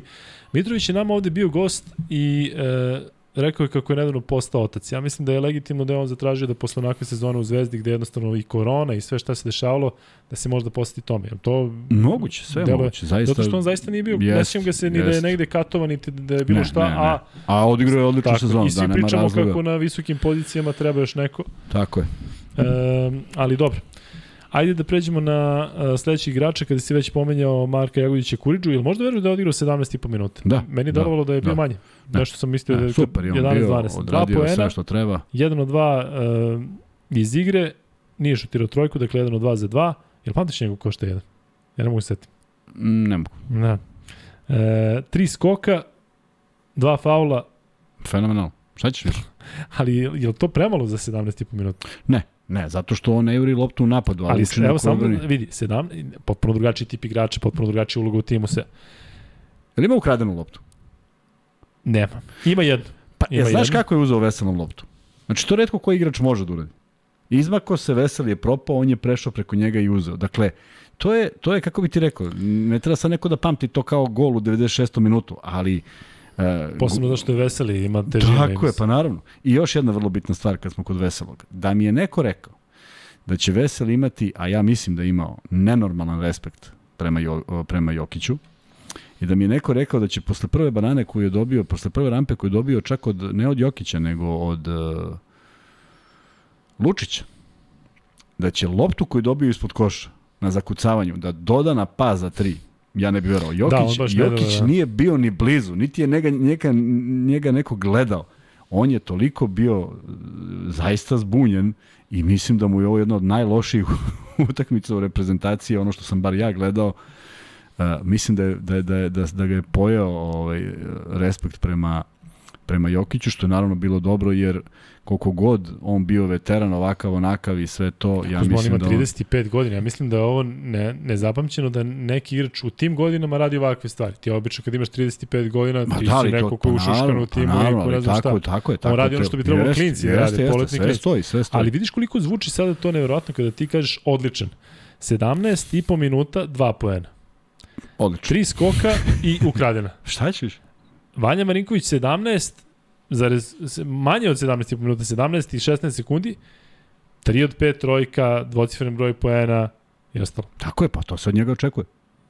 I obojica kidaju odbranu i treba da je kidaju još jače i još više faulova da naprave kad je to potrebno i da, da se podrede tome i da budu fokusirani kada krene nizbrdo, a tu je bio jedan period kad su oni imali seriju od 9 ili 11 poena, da se to preseče, podigne se ruka, idemo na stranu, pa se ponovo podigne ruka, pa ih uvedeš u neki problem i ima ko da igra. Ja mislim da... Da je- Nijedan naš igrač nije bio u problemu s faulovima u dve utakmice. E, Sem nije. Lučić. E, kada? U U prvoj? ovoj utakmici. Pošto je Lučić bio u problemu sa falovima, Pa mislim da je kad dobio... ima na kraju dva. Dva, stvarno. Pa da. Onda niko nije bio. Niko nije imao više tri. Eto, vidiš. E, mogli, e, tu možemo da uvek, da, da uvek iskoristimo još. Još, Jel- po, još po jedan. Jeste, pa da. Eto. E, jel misliš da te Kari slušao kada si pričao već od kad smo počeli podcast kako Kuriđa treba da bude u, u 12? Mislim da nema nikakve veze. Ja mislim da on uključa, znaš kako uključa? Jeste. Znaš kako? Na Spotify. Dok spava, dok spava na Što Spotify. verovatno ne znaš šta je. On uključa na Spotify i Kako onda si rekao? šeta. Kako si rekao? Spotify. E, Spotify. E, ne verujem, ali mislim da je to... Uh, Došlo je do njega. Mislim da, da, mislim da je to želja svakog Čast. trenera, da ima te pouzdane igrače, znaš. Zato Posebno što tako te stare kajle, te stare kare. kola. Jer vidi, Kuriđa zna šta treba da radi. I ne može da iskoči iz tog koloseka. Prosto on će uraditi sve.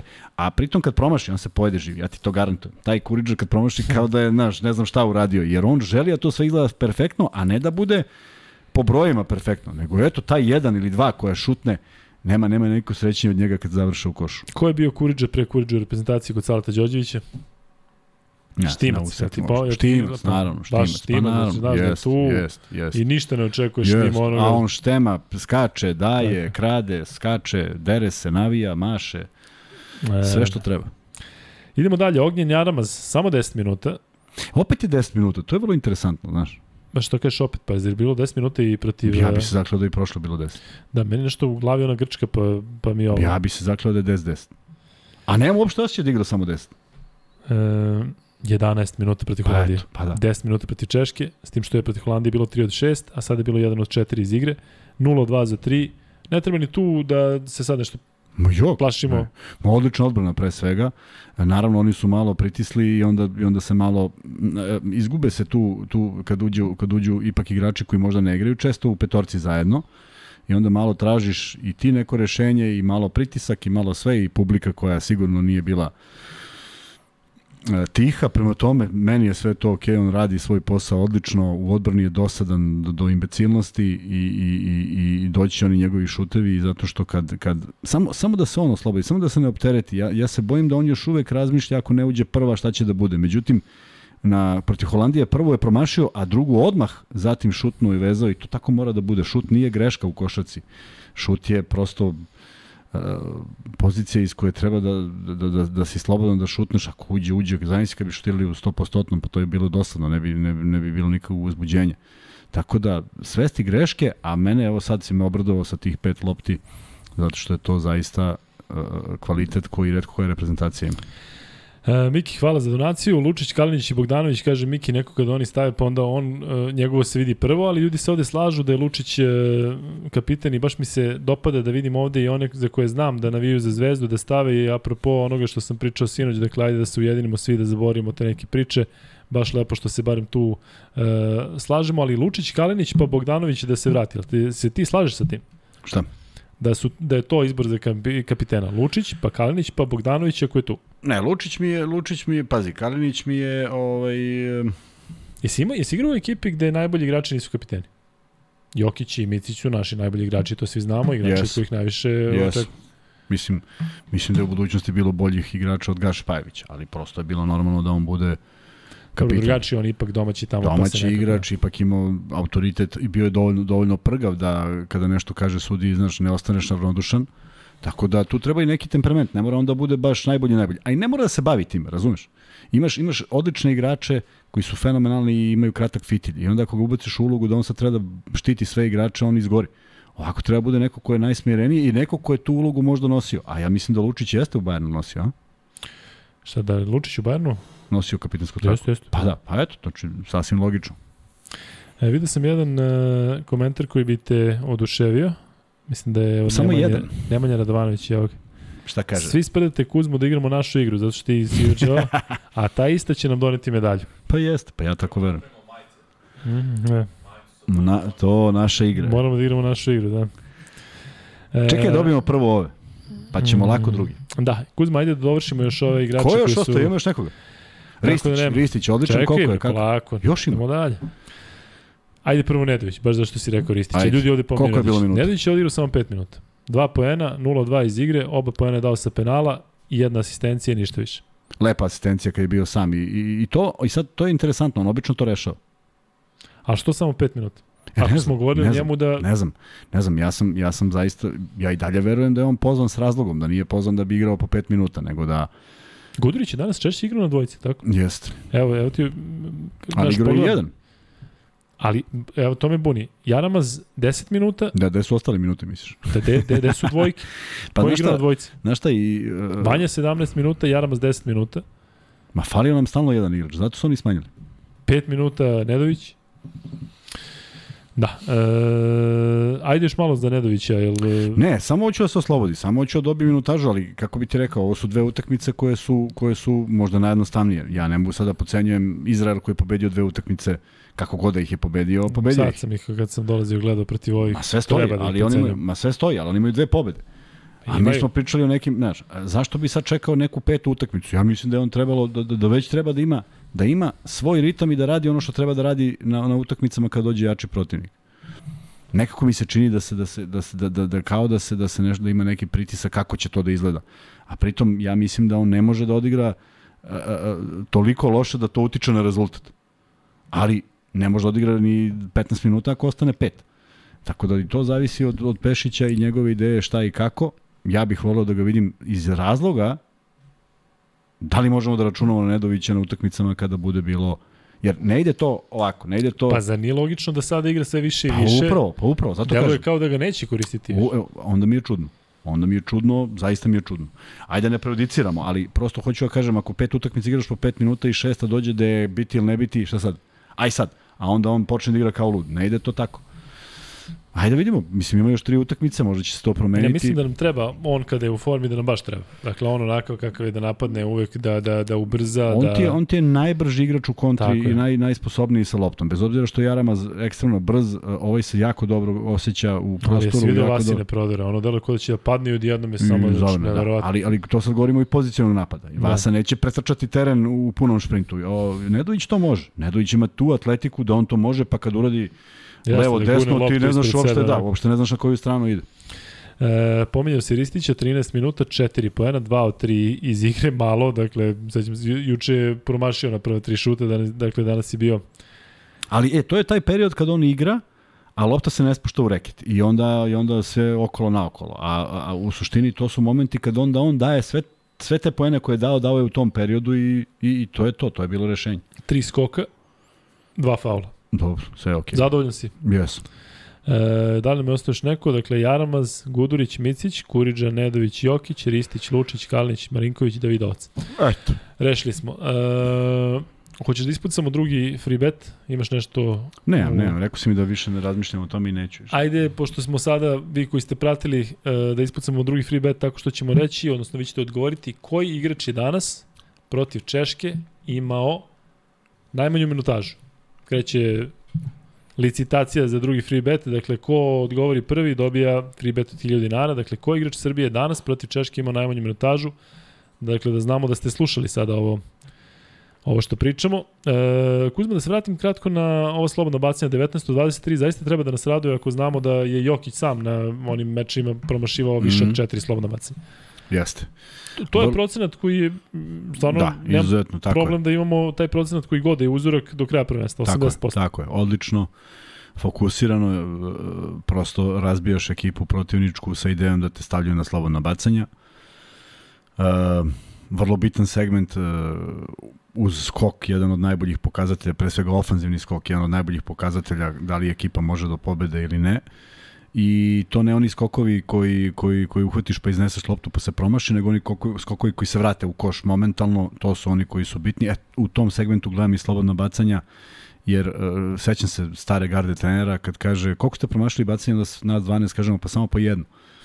I to stvarno kad gledaš, nije uopšte mnogo, samo si jedno promašio, ali to je 12 ukupno. Tako da taj broj svesti na minimum i divota. Stefan Jović je odgovorio prvi. Stefane, stvarno. Stefan Jović je rekao, Nedović, Stefane, šalji na uh, ID, šalji ID na Instagram Luka i Kuzma.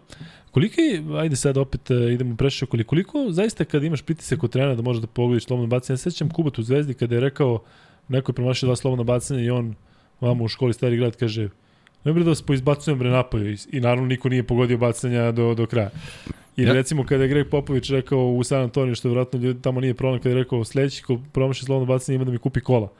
To je drugačije, ovako više sprednje, ali kad ti trener kaže, znaš, kad se razdere, valjda je to negativno. Šta ti kažeš, u, rekao mi trener, daj sad da ubacim, sad da, da opustim ruku. Vidim jedno čudno iskustvo. Ja ovaj, nisam bio 100%, ali nisam bio ni loš izvođač slobodnih bacanja, naravno i imao sam mutu kao trenera i kad god bi se napravio fal nadamnom u nekoj završnoj fazi, a desio se protiv Beobanke na nerešenom, isteklo vreme.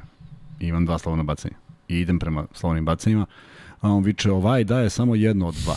Znači, moj trener, koji bi trebalo da kaže sve suprotno, da kaže nećeš promašiti nikad u životu. Ne, ali možda misli da sad ćeš ti uinat njemu da... A onda ja, I onda ja, da, ja, ja pogodim dva, on kaže, o, hvala Bogu. E, I sad on misli da me motivisao. U stvari, protpuno, znaš, neverovatno da razmišljaš ti od tih dva jedan, a ne da, da ideš rasterećen na, na ovaj, na liniju slovnih bacanja, ali sam imao dva slovna bacanja u životu, ako neko može da nađe, mislim da postoji na mreži, tada kad sam bio najstariji MVP Euro Challenge, kad sam sa Kako Rumunima. je mreža? Šta je mreža?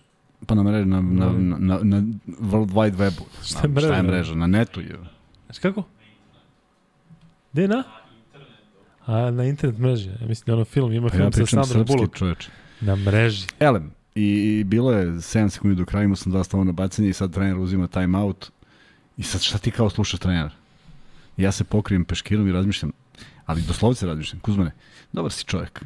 I ti da ovo promašiš, ne postoje teoretske šanse. I u tom maniru sam šutno, zaista nisam razmišljao uopšte ovaj, da, da postoji teoretska mogućnost da promašim. Pogodio sam i eto, ispisali na neki način istoriju jednog malog rumunskog kluba i verovatno rumunske košake uopšte. E, ti kada se obraćaš sebi, znači obraćaš se Sa Kuzmanom. Kuzman. Ceo život su me zvali tako do košarke. Stvari, ceo život. Više su me zvali onda Kuzma nego što su me zvali, ali cela srednja škola i svi drugari iz srednje škole sad na... E, ovde se ljudi sprdaju, pošto svi Nedović, Nedović Nedović, pazi ovo, Davidovac, Marin Sedlaček, Šarenac, Milutinov, Gregor Fućka, da, ovo Ima izgleda, svašta nešto. Paspalj, Đuro Ostojić, Dragan Kapičić, da. Do, neke vi zabavno. ste- Tako je. E, Kapičić je tačan odgovor. Javi se Vanji za free bet, onaj od juče. Tako je. Hoćemo stali? malo o, pa stali smo kod naše reprezentacije i vratit ćemo se posle do duše kratko na Finsku, jer se slaže da sad krenemo da komentarišemo rezultata, bilo ih je danas zaista mnogo. Ajde, E, ajmo od početka. Crna Gora. Nego šta ćemo, nego ćemo od početka. Odakle drugačije. Crna Gora, Belgija, Crna Gora, 76, Belgija, revanširali 70. su se, naše komšije su se revanširale Belgijancima, svi smo Komšije. srećni zbog toga. Obično ih oslavljamo kao braća. Braća, može i braća, da se neko ne Komšije, naljuti. pa Nekom komšija kaže, nam je i Mađar. Pa vidi, imaš negde, ti, ja, ja volim braća, onda oni kažu koja smo mi braća, neki tamo, a onda kažem komšija, onda oni kažu nismo mi Znaš komšije koliko tako komšija dalje. iglo danas, pazi ovo. Crna Gora, Hrvatska, Bugarska, Dobro, naše južne komšije. Ali bez zezanja, e, dobro, ali posljednja četvrtina 8-20. Jeste, posljednja četvrtina. Treća četvrtina 31-18. E, to govori, to govori o nekom, nekom ne, ne, neuigranosti, o nekom neiskustvu ekipe i svega što se dešava. Nisu, nisu, nisu najgori koji su tako odigrali posljednju četvrtinu. Pogledaj jednu mnogo iskusniju ekipu Grčke pa su doveli sebe u istu poziciju. Ali ono što je najvažnije je da je Crna Gora triumfovala, da su vratili onu utakmicu onaj poraz koji je zaboleo, evo vratili su, izjednačili su se, sad je sve nekako u normali i, i mislim da sada onako mnogo rasterećenije mnogo da igraju, a kažem posjeduju ekipu s predvođenu Dubljevićem, međutim Mihajlović, dečko koji je odigrao odličnu sezonu, je tu neko ko u Simonovića donosi tu, tu razliku i tačno opet... Uh, Izvini, njemu se baš vidi da je odigrao dobru sezonu da, i da sada da, da, vidimo se da je pun samopouzdanja. Da, da, da, i da je sad on... tako je. I sad tu, tu, tu je plejada ovih igrača koji tačno znaju šta treba da radi, ali možda još uvek ne znaju, jer ipak je to ekipa koja nije mnogo provela zajedno, ali deluju, deluju, deluju dobro na terenu, deluju da se, da se bore jedan za drugog, deluju da sve što rade, rade u tom cilju da, da Crna Gora bude što bolje plasirana i to je jedna dobra stvar. Uh, i, i zaista verujem da će u tome i uspeti i da vrlo moguće da se desi da ako, ako malo ostvare malo bolji plasman nalete na nekoga ko će, kome će biti uh, prevelik zalog. Ajde da probamo dođemo do 1000 lajkova u ovom live-u, uh, onda će YouTube da šalje Kuzmi funkcije i Kuzma će da bude srećan. nove funkcije, bit ću direktor. Pa eto, da bude, da skratimo, da bi Kuzma bio srećan, vi udarite like. Stefan uh, Jović mi pisao. Šta kaže Stefan?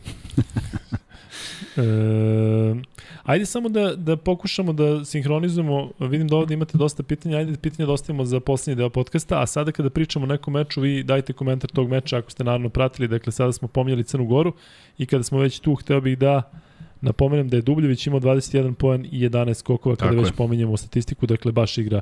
Jel ti stopada on kao centar? Meni on, da, meni on jedan da, najboljih da, centara da. u, u, u Evropi, onako da sam neki GM, ja mislim da bi prvo otišao kod njega, s tim što očigledno on će da ostane u Valenciji do kraja da. karijere, tako da je to porodična priča, porodična atmosfera, tako. svi se tamo vole i Ali baš pogodio, mislim da je baš pogodio, trojka, da, mislim da je pogodio da mu apsolutno odgovara i prenosi to iskustvo i želi da bude vođa ove ekipe, iako dolaze mlađi, ali prosto u njegovim rukama je najveće iskustvo velikih utakmica, prema tome bilo je, bilo je za očekivati da će a, on preuzeti tu ulogu i drago mi je što je baš on u pitanju, što je odigrano izuzetnu partiju.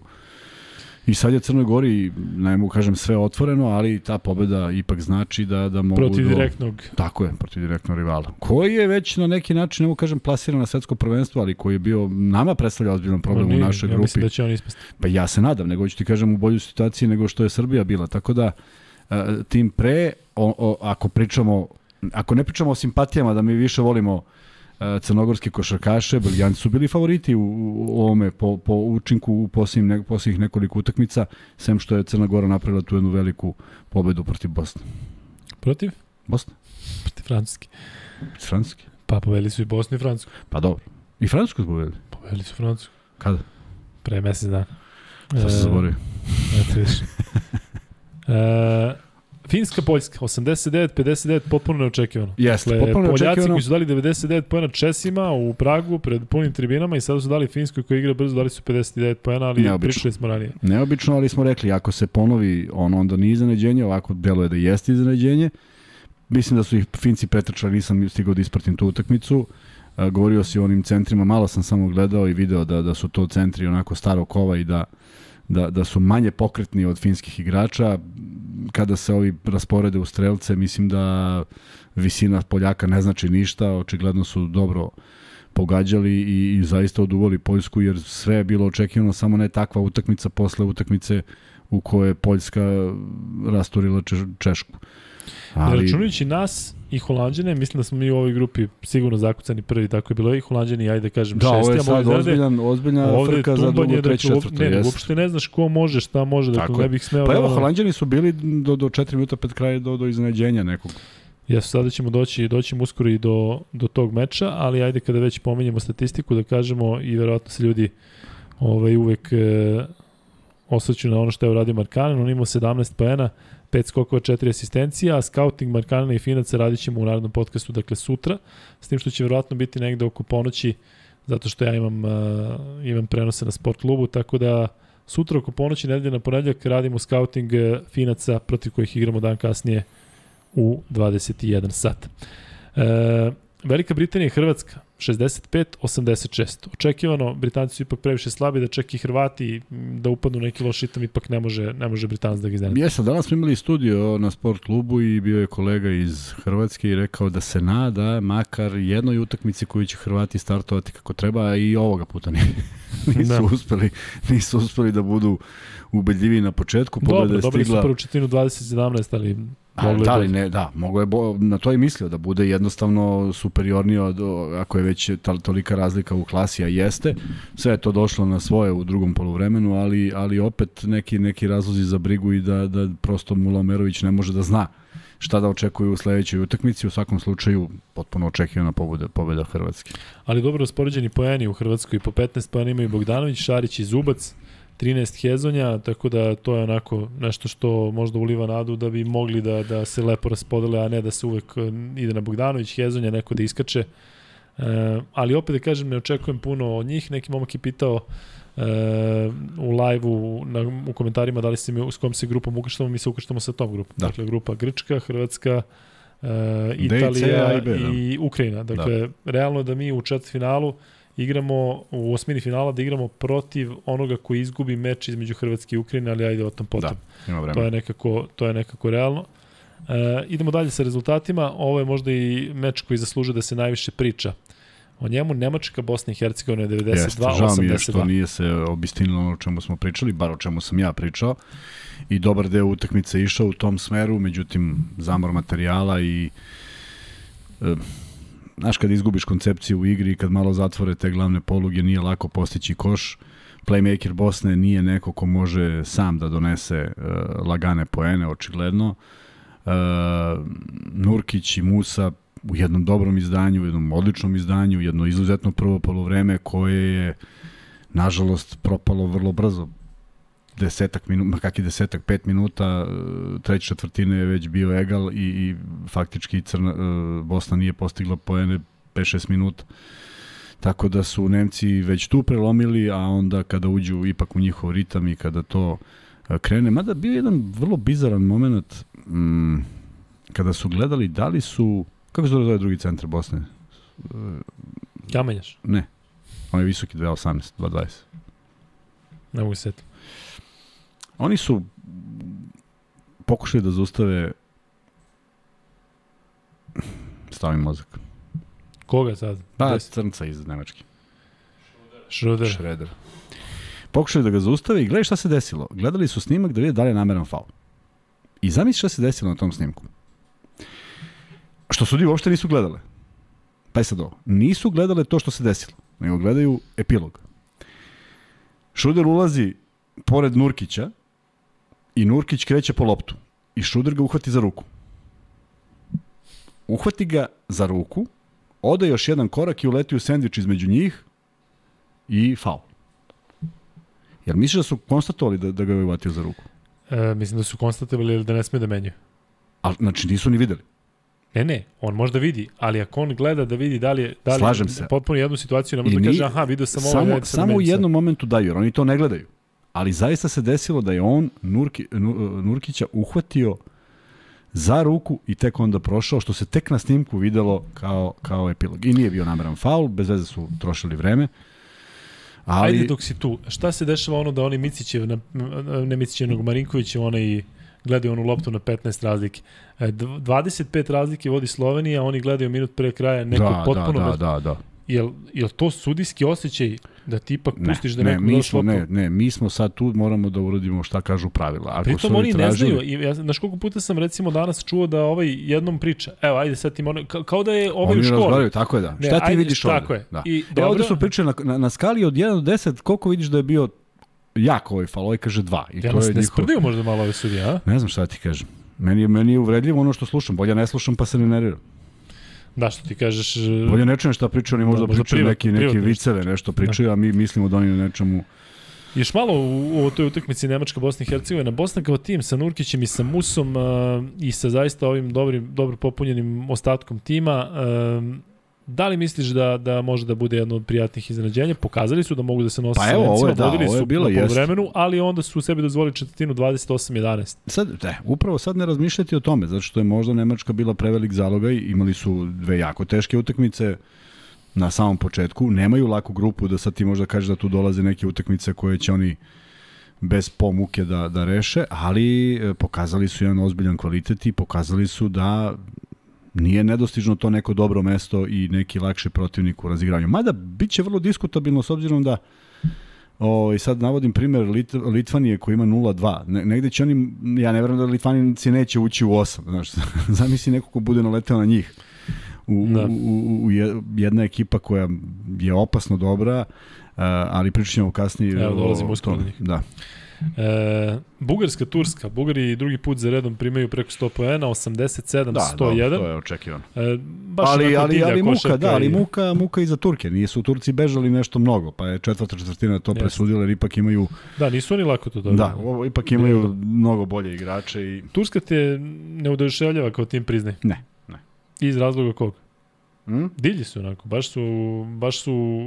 E, nepredvidivi. Nekako, ništa, ništa, ništa ne, nema koncepcije, koncepcije. Igra da. se pa ko, kako uzme loptu.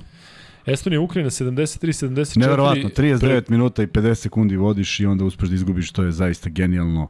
A, ona završnica te utakmice od udara do ove evropskog prvenstva, to, to ne znam se ko je, ko je gluplje završavao i na kraju nisu ni šutnuli nekako normalno, nego iz nekog pada posle jednog jedinog vojstva Ukrajine gde bi to donalo eto neku, neku, neku dramu, neku neizvesnost i ono što sam pričao da se neko ušunja u tih osam ovako 16 Da, u tih 16 ovako, ja ne znam s kim još mogu da igraju na tom nivou, a Da, da Ukrajinci su isto pobede. tanki, baš, da, baš. Da, da, da, sve stoji. Ali ne, neverovatna rešenja. Puna dvorana je stonac, ne znam kako to da objasnim. Ne znam nije. Malo bre zemlja, da.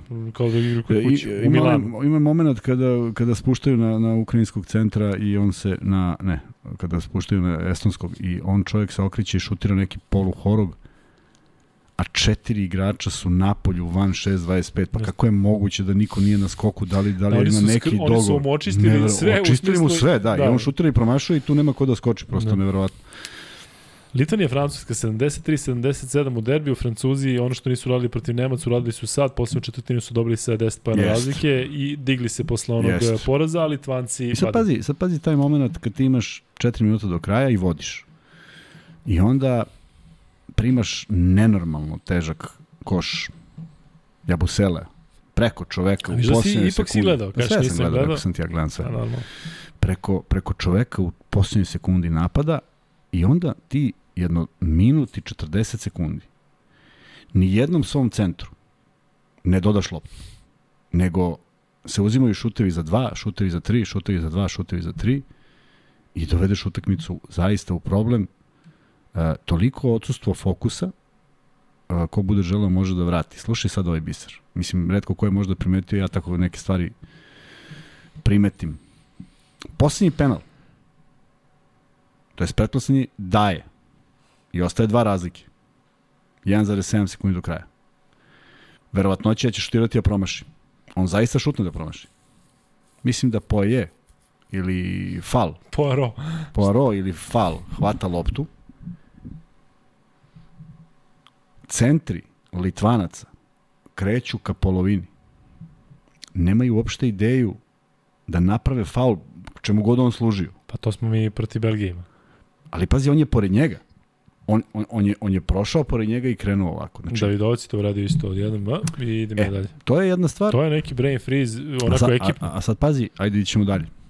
E, u svakom slučaju Litvanci, Litvanija je sama sebe ubacila u problem. Ali ne možemo sad Litvanci da nešto otpisujemo, zato što ne, ja njih ne, ne, vidim u, u vidim Ej, ih baš 36 minuta su oni diktirali tempo i vodili utakmicu. Izgubio se Slovenija, izgubio se od Francuske. Da, nije I, to ništa tako. traumatično. Tako. Ali način na koji su izgubili, jer očigledno nemaju spremnosti za, za završnicu. Da, ne da. mogu da, da se rešavaju uh, trojkom. I da, još jedna vrlo fantastična stvar koja mi upada u oko kada Lekaviću se igra.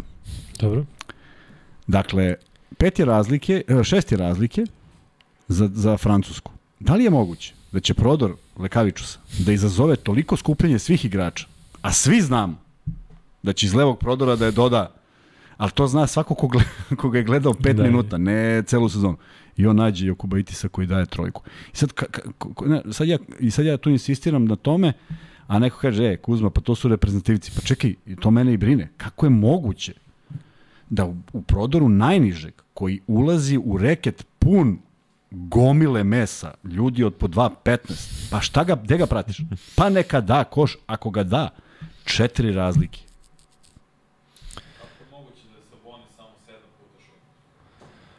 Pa nije, nije dobio, on nije dobio loptu uopšte. Guše se, guše se oni Valančiunas. Da li ne dobijaju loptu? Oni, tu je bio i Kuzminskas, ni on nije dobio loptu. Niko nije dobio loptu tih dva minuta u kojoj ovi prave 9-0. Doduše iz teških pozicija. Jabusela iz teške, pa kako zove, Furnije daje trojku, pa Ertel daje dvojku, pa gube loptu na pola terena i onda zumiraju trenera Litvanije, čovjek, ja ne znam šta bi on trebao da uradi. Mislim, šta, da uđe da doda loptu. Se ubije. Neverovatno, majke. E, Fournier 27 poena, 5 skokova, 3 asistencije. Ali Fournier je šutirao za 3 poena 4 od 12. Znaš zašto mi se sviđa naša ekipa? Zato što ne postoji tako, šansa tako. da neko naš šutne pa 12 nema razloga, pa hvala Micić će ih šutnuti u, u, ako treba u Efesu. Ali ovde mi nismo ekipa. Čak i Vanja juče 5 od 8 5 od 8 sa fantastičnim procentom. Tako je. A 4 od 12 i da šutneš, kažem, uživam što smo mi takva ekipa, jedan od najplaćenijih igrača u NBA ligi i Rudi Guber sa sve plavom kosom, 8 pojena, 4 skoka, vidim da ga ljudi pljuju, ali... I dade glavni koš tamo, promašiš yes, i onda yes. uvati loptu i ubaci u koš. iz igre, jedan, jedan od 5 za 2, 6 od 6 sa penala, što je za pohvalu. Ali sećam se u Granadi kada smo igli protiv Francuske, onaj sada već istorijski meč, ja ne mogu ti objasniti kako on deluje Kuzma pored terena, bio sam baš pored. Od tada, Znači sa onim ručedama. Znaš ti koliko on ide iznad obruča? To iz mesta. Dakle, šta je on sve u stanju da pokrije? Vidim da ga ljudi kritikuju kao defanzivca, on je, jeste jedan od najboljih defanzivaca u NBA ligi, hteli to da priznamo ili ne, ali drago mi je što mi nemamo tako. Menjao bih bukvalno tvoj Kuriđu, da sad kažu go, Gober ili Kuriđu. Kuriđu. te, te Kuriđu upoređuju sa Kuriđu. Ne vidiš. Šta šta? Šta? Pa naravno. Ovaj Fournier koji dečko gračine. Jedi Osman, mu pričaš da hoće Jedi Osman i gračine. Jeste, ali e, vidiš recimo da ima i ovih što su, što su eto, što, ko što kažeš Sabonis i Gober, onako, za sad su prilično, prilično tanki i prilično su e, U svakom slučaju, su onako u drugom planu. Francuska se vratila iz, iz, one, iz onog poraza, ima 1-1, Litvanija ne stoji baš sjajno, ali ja ne sumim da će oni proći. Da, niko, samo, ita, da. samo italijano otpišite, ali ove ostale nemojte da opisujete. A ček, imaš poruku, imaš poruku. Nešto vezi Kante i Italijane, jel? Jeste. E, ajde umeđu vremenu, dok ovde Kuzma traži poruku, a to sami znate može da potre. E, napišite nam u, ovde u live-u da li biste volili da imamo sudiju kao gosta, zato što je neko ovde E, mislim da se našali, našli sa Ljucom, ali koliko bi bilo dobro da stvarno u ovom jednom trenutku kada toliko pričamo o sudijama, da dođe neki sudija i da priča o svemu tome. Da li vam se to dopalo ili mislite da bi izba, ispali iz ovog ritma u kojem pričamo o reprezentaciji? Oli, pročitati to? Ne mogu naći. Šta kaže? Od pre, Rekao je da, otprilike, da on stavio sve pare na kantu, šta god ti rekao, Dobro. On je stavio jer gledao je to drugo polovreme. Sve pare o 1000 sa free beta. Ne znam šta je sve Dobro. stavio, a ja mu poručujem samo da nas se seti pošto smo prouzrokovali da stavi, tako da u bilo kom smislu. Stavio na Italiju? Aha. Da, a slušaj ovaj predlog. Te mi sad pobeže, taman sam našao. E, sad. Luka predloži Kuzmi da free bet uh, jedan bude na Instagramu. Ha? Ne? Da nam šalju na Instagram da ovaj možda treći free bet. Baš ovo što si rekao da ne rade. Sad kažemo ljudima, dakle, ko prvi odgovori pa na Instagramu... Pa da, onda će moj rođak Vojislav Kuzmanović da dobije. Ja, on čeka. Pa ne čeka, ali kako će neko da zna ko je poslao? Najmanje problem, onda sam ja dobio free bet. Da, da, da, da, dobro. Mislim, dobro, ja ne bi to radio, A, ali... moguće to da se vidi ko ti prvi posle, ne vidiš? Ne, ja vidim, ne može, ne, ne, ne, ne, pa zašto samo vidiš. piše, ne, samo piše minut, ne ide po redu. Meni stižu poruke kao poruke. Dobro, znači ništa toga. Na Instagramu? Da. A misliš na naš profil da stave? Da. Na ovo sad najavu emisije? Pa, na sto, ne znam. Ali vidi se, tako? Vidi se ko je prvi? Ko je... prvi piše svakako, mislim, on postoji Ne, ne, ne, svakako neko ostane. Da. Evo ovdje malo kažu da, malo ne za, za sudiju. Mogli bi, mo, znaš šta? Ja da, ali sam... evo pravo čovjek kaže nemojte Instagram zato što nemamo svi Instagram. Pa da, tako pa da, jasno. Evo vidi još jednu stvar. Sudija bi, sudija bi štitio svoje kolege. I onda bi nas iznervirao. Sigurno. pa sigurno sam. Da li bi evroligaški studija... Jedino ako nije bivši sudija. Ali ček, Kojeg su izbacili studija, iz organizacije. Znači, e, tog treba nađemo. da, neko kome su baš ono... E, Jasminu Juras da nam objasni kako se sudi 3x3. Da, Jasmina jako dobro radi taj posao. Da ja sam, sudija... Jasmina je jednom poslala poruku je su ovo koraci. Pazi, sad, ja ne znam da li će danas da sviraju korake zašto mogu da promene. Ali, Kako biš poslao poruku? Poslao je poruku, negde je bila neka nedoumica na toj nekoj Instagram nečemu i sad stiže poruka i oni se raspravljaju i ona napiše da li su ovo koraci. I vidiš čovjek koji prima loptu i kako je prima, kreće desnom nogom, odakle prima loptu, kreće desna, tiže se leva dribling i to u 3 na 3 nisu koraci. Ja se slažem da možda neseš pravilo da ništa nisu koraci. Ali ako pitaš bivše košarkaša koji je igrao kod tog ljuce, kod kojeg nisi smeo da pogledaš, da, da napraviš pivot, a ne da ga napraviš stvarno, to jesu koraci. Šta će svirati? I danas, na primjer, ko je gledao Hrvatska... Bože, s kim su igrali? Hrvatska, Velika Britanija. Velika Britanija. Uh, na utakmici, prve, prvoj hrvatskoj utakmici su svirali protiv Grka korake Šariću, danas Hezonje nisu. Identičan pokret, identično kreće desno i samo nastavi, jedno su koraci, drugo nisu. Ne može tako. A mora postoji negde pravilo zašto je nešto tako, a zašto nije. A onda, kad, kad vratiš film u Euroligi, koliko tolerišu taj prvi korak, onda se ovi ne tolerišu. I ti si zaista u problemu ako igraš Pa Euroligu. ne, ali ono što si u pravu, što si rekao za Janisu, šta se sve Janisu, dakle, toleriše. Verovatno. Još ima onaj njegov korak, dakle, ali dobro. E, Gde smo stali? stali smo kod meča Gruzija-Španija, 64-90 Da, za tu sam stvarno očekivao, nije to baš ovaj, očiglledno Španija Da ima dovoljno potencijala. Pa nadao sam se Gru- domaćini, Gruzine da će da pobedi. domaćini, bilo je tu lepih momenata u jednom periodu, ali stvarno su ovaj, pokazali klasu i... Fali Toko, a? Mm? Fali da, Šengelija, pa, definitivno. fali- Dakle, mislim da njima najviše fali, Jest, da su jest, najviše, jest, zato što su kod kuće i zato što nemaju zamenu, koliko bi god to- Bitadze da. pokušavao tamo da, da, Da. da, da nešto uradi. Ali dobro, eto ta Španija sa onako ubedljivom pobedu protiv Bugarske, sa ovakvom, ovakvim izdanjem protiv Gruzije, Dakle, i oni su onako, ajde da kažem, sigurno neko ko vreba i senke, ali će biti naravno. interesantno da im kako će bez, sa tim novim timom kada imaju potpuno drugačiju ulogu nego ranije. E, Mađarska Slovenija, Kuzma, 88-103, video si Zaista Slovenija kako je u skromno, ritmu. zaista skromno. Slovenija u svom ritmu koji su Mađari pokušali da prate. Svi vidio Dončić da je radio. Da. Kuzma, on ima 8 kg viška. Kako Pa je jeste. moguće da onako plešeš sa 8 kg Pa viška? eto tako. Ja pojedem šampitu, Pa pa za- kažem ti, teže mi je da idem u stepeni. Ne znam, a, lepo su se zabavljali, sve je video, sve je dodavao, sve je pogodio što je hteo, svi ostali, Jaka Blažić dvocifren već u, na samom početku utakmice, Da. faktički, tako da zaista u njihovom ritmu protiv jedne, ako smo mislili da je onih 82-78 na prvoj utakmici bilo nešto što su mogli da dostignu ovoga puta, zaista su bili e, oduvani i nema, nema tu nekog potencijala u Mađarskoj koji može da, da Još napravi- bez Hange. Da, koji Da. može da, da uopšte mogu da planiraju nešto, nešto više od ovoga. Onaj Hopkins, bez obzira što je dao dve trojke, dakle, kažem, ne razumem. Jedino ako mu je ovo što kaže Dorsi, ako mu je baba iz Mađarske, pa ajde, kao to je ta veza. Ali čovjek koji, kaže, nema osjećaj za košarku. Koliko onaj ide on, koga svi pominjamo, ima osjećaj za košarku, toliko je onaj Frank pravi, da. Frank, Frank ide on. Grčka i Italija, taj meč smo pominjali, ali si rekao da ćemo se vratiti 85-81, dakle Grci su potpuno iskontrolisali Da, taj da, meč da. i dozvolili sebi I posle dozvolili sebi, tako gde je, tako je, krenuo šut, je. opet ih E, nisu, i onda, nisu i onda, ugrozili. i onda jedna, jedna, jedan spektakularan moment koji meni obeležava tako Uf, svaku šta, utakmicu. sad, Da. da. baš, baš si me zainteresovao, čujem šta je to spektakularno. Trči Fontecchio na tri razlike i trči i prate ga dva igrača i on trči i dvojica ga prate i niko ništa i on naskače na trojku. Pa čekaj. Ali li stvarno treba neko da kaže faul? Ali on nije sam. On je sa dva igrača na sebi. I ide uz out liniju. I ne može lepše. Pokušaš da uzmeš loptu i nisi je uzeo. I kraj. Mora da šutne dva. Mora nešto da smisli. Ovako se on digo iz prilično fine pozicije. Ne mogu kažem da je bilo lako, ali je bio na trojici. Šutno i promašio. Neverovatno. Ja, ja ne mogu da razumem. Ja, da li je to sad zaista ona, da li smo prihvatili onu, onu, onu filozofiju američku, igramo pa ko bude bolji, ko koga nadigra? nismo sigurni. Pa nego šta je onda? Da tipa da kao nije Ja pošteno volao, da praviš faul. ja bih volao i penal. tudi da izađe i kaže ja prosto ne znam šta se desilo.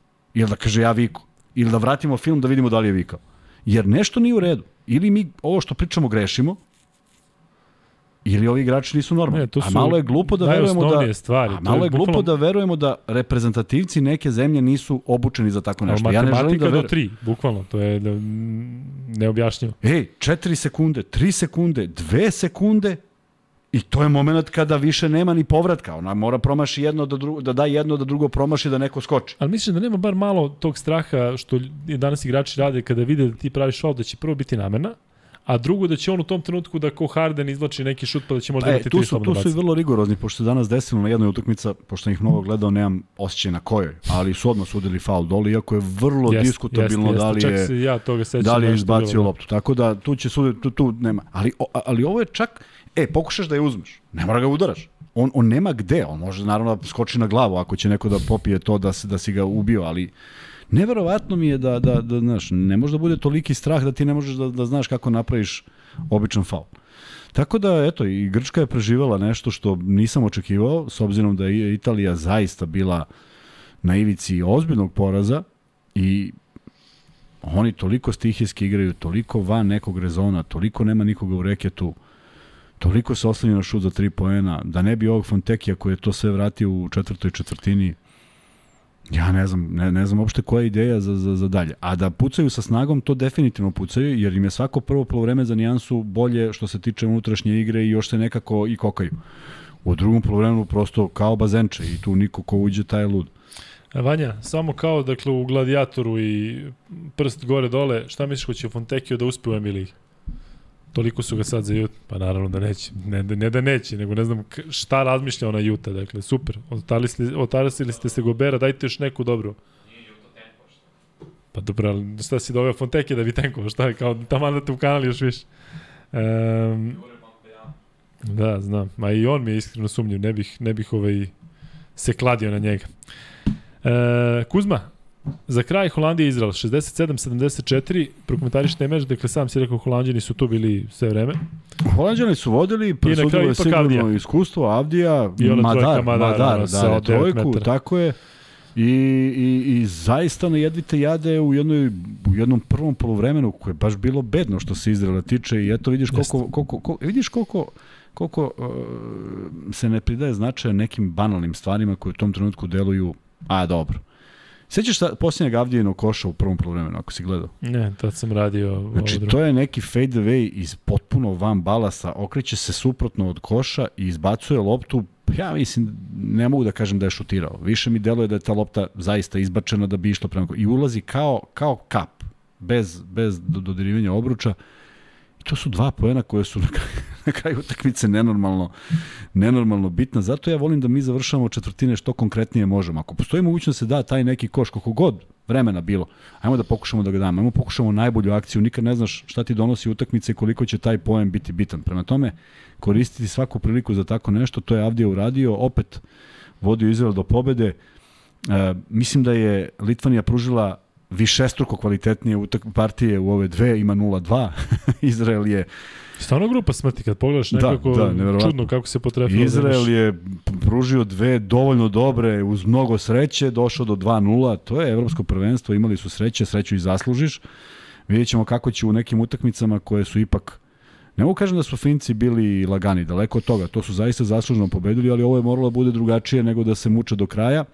Ne, no vidjet ćemo, ima još tri utakmice koje igraju. O, o, mi igramo sa Fincima sledeće.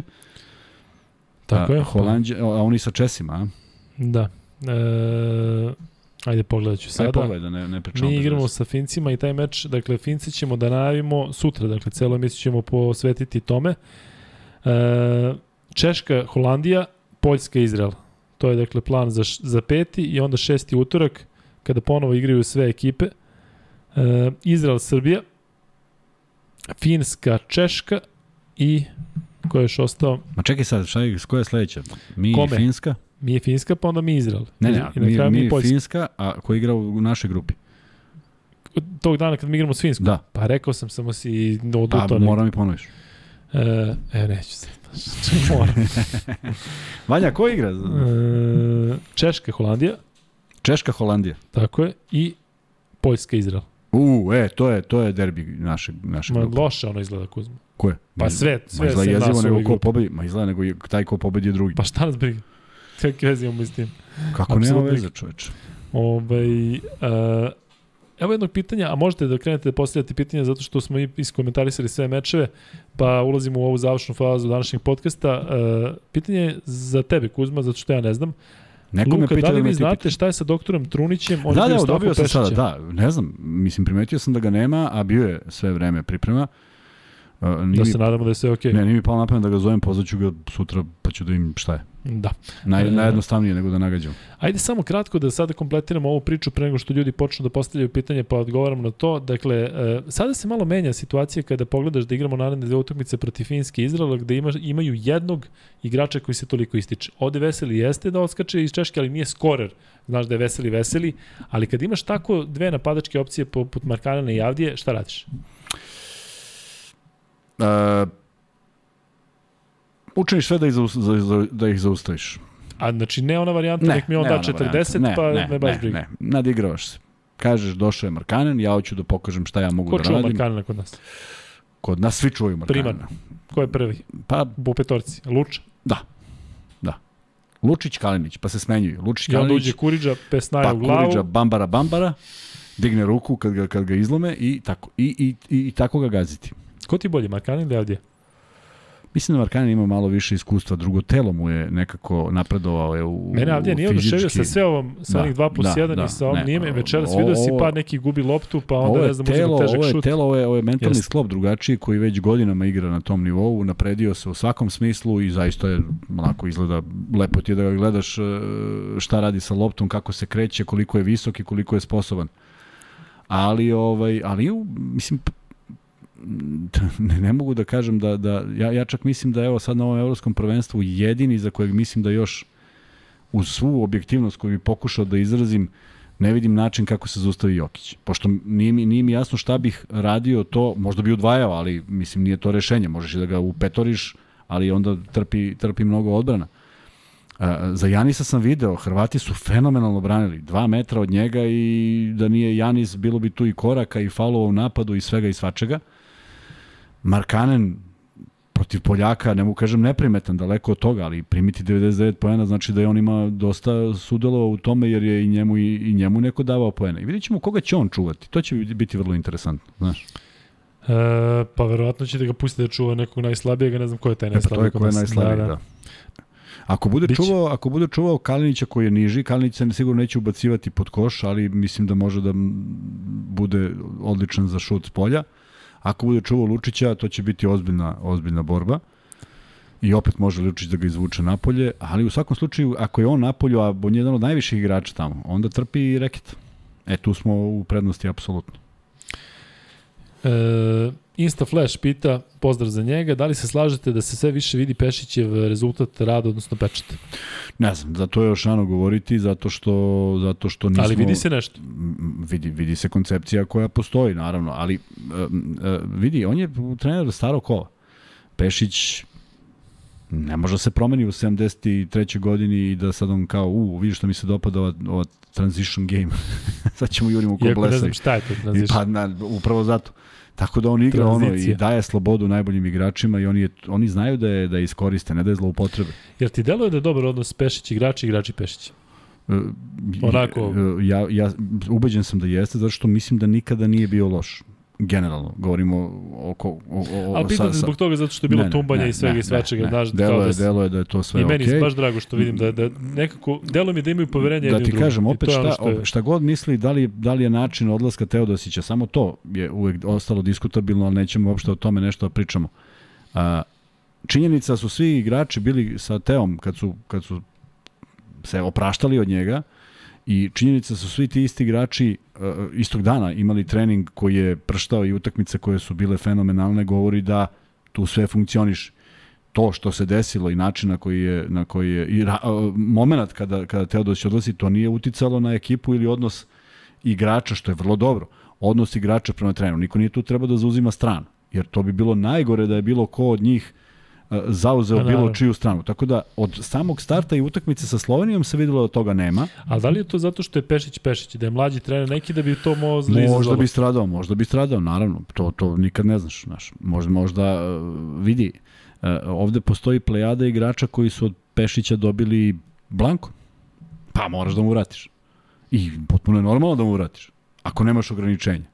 A ja još nisam video njegovu lošu reakciju prema nekom. Jesi ti video neku reakciju da je on negde reagovao ili da je negde u nekom mediju? Ja to generalno nisam video. Pa upravo ne to. Pamtim, ne, upravo ne, to, ne zašto je njegov pristup. koji tako, Tako nešto je. na klupu, on ti nešto... tako je. E sad ti ako imaš malo obraza i neko ti da svu slobodu, pa valjda treba da se potrudiš da, da to vratiš. Više on onako kao drugarski, vjerojatno nije To- tako značajno da pope, nemoj da me zajebavaš, znaš kako.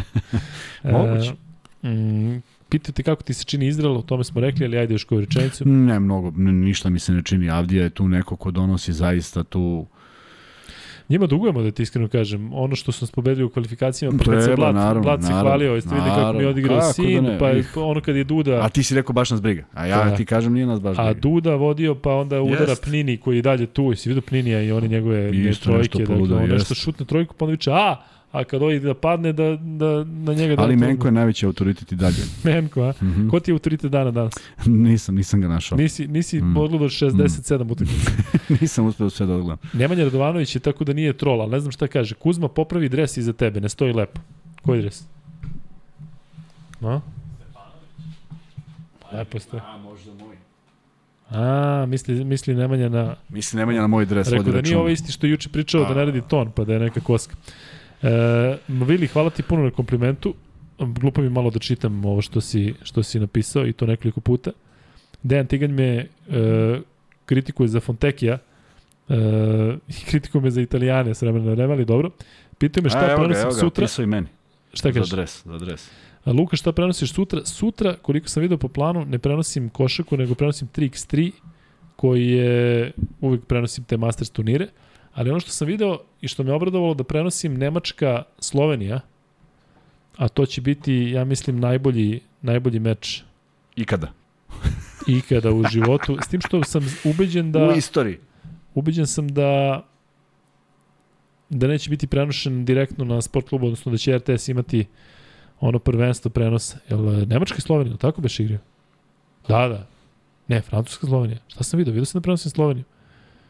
To sam...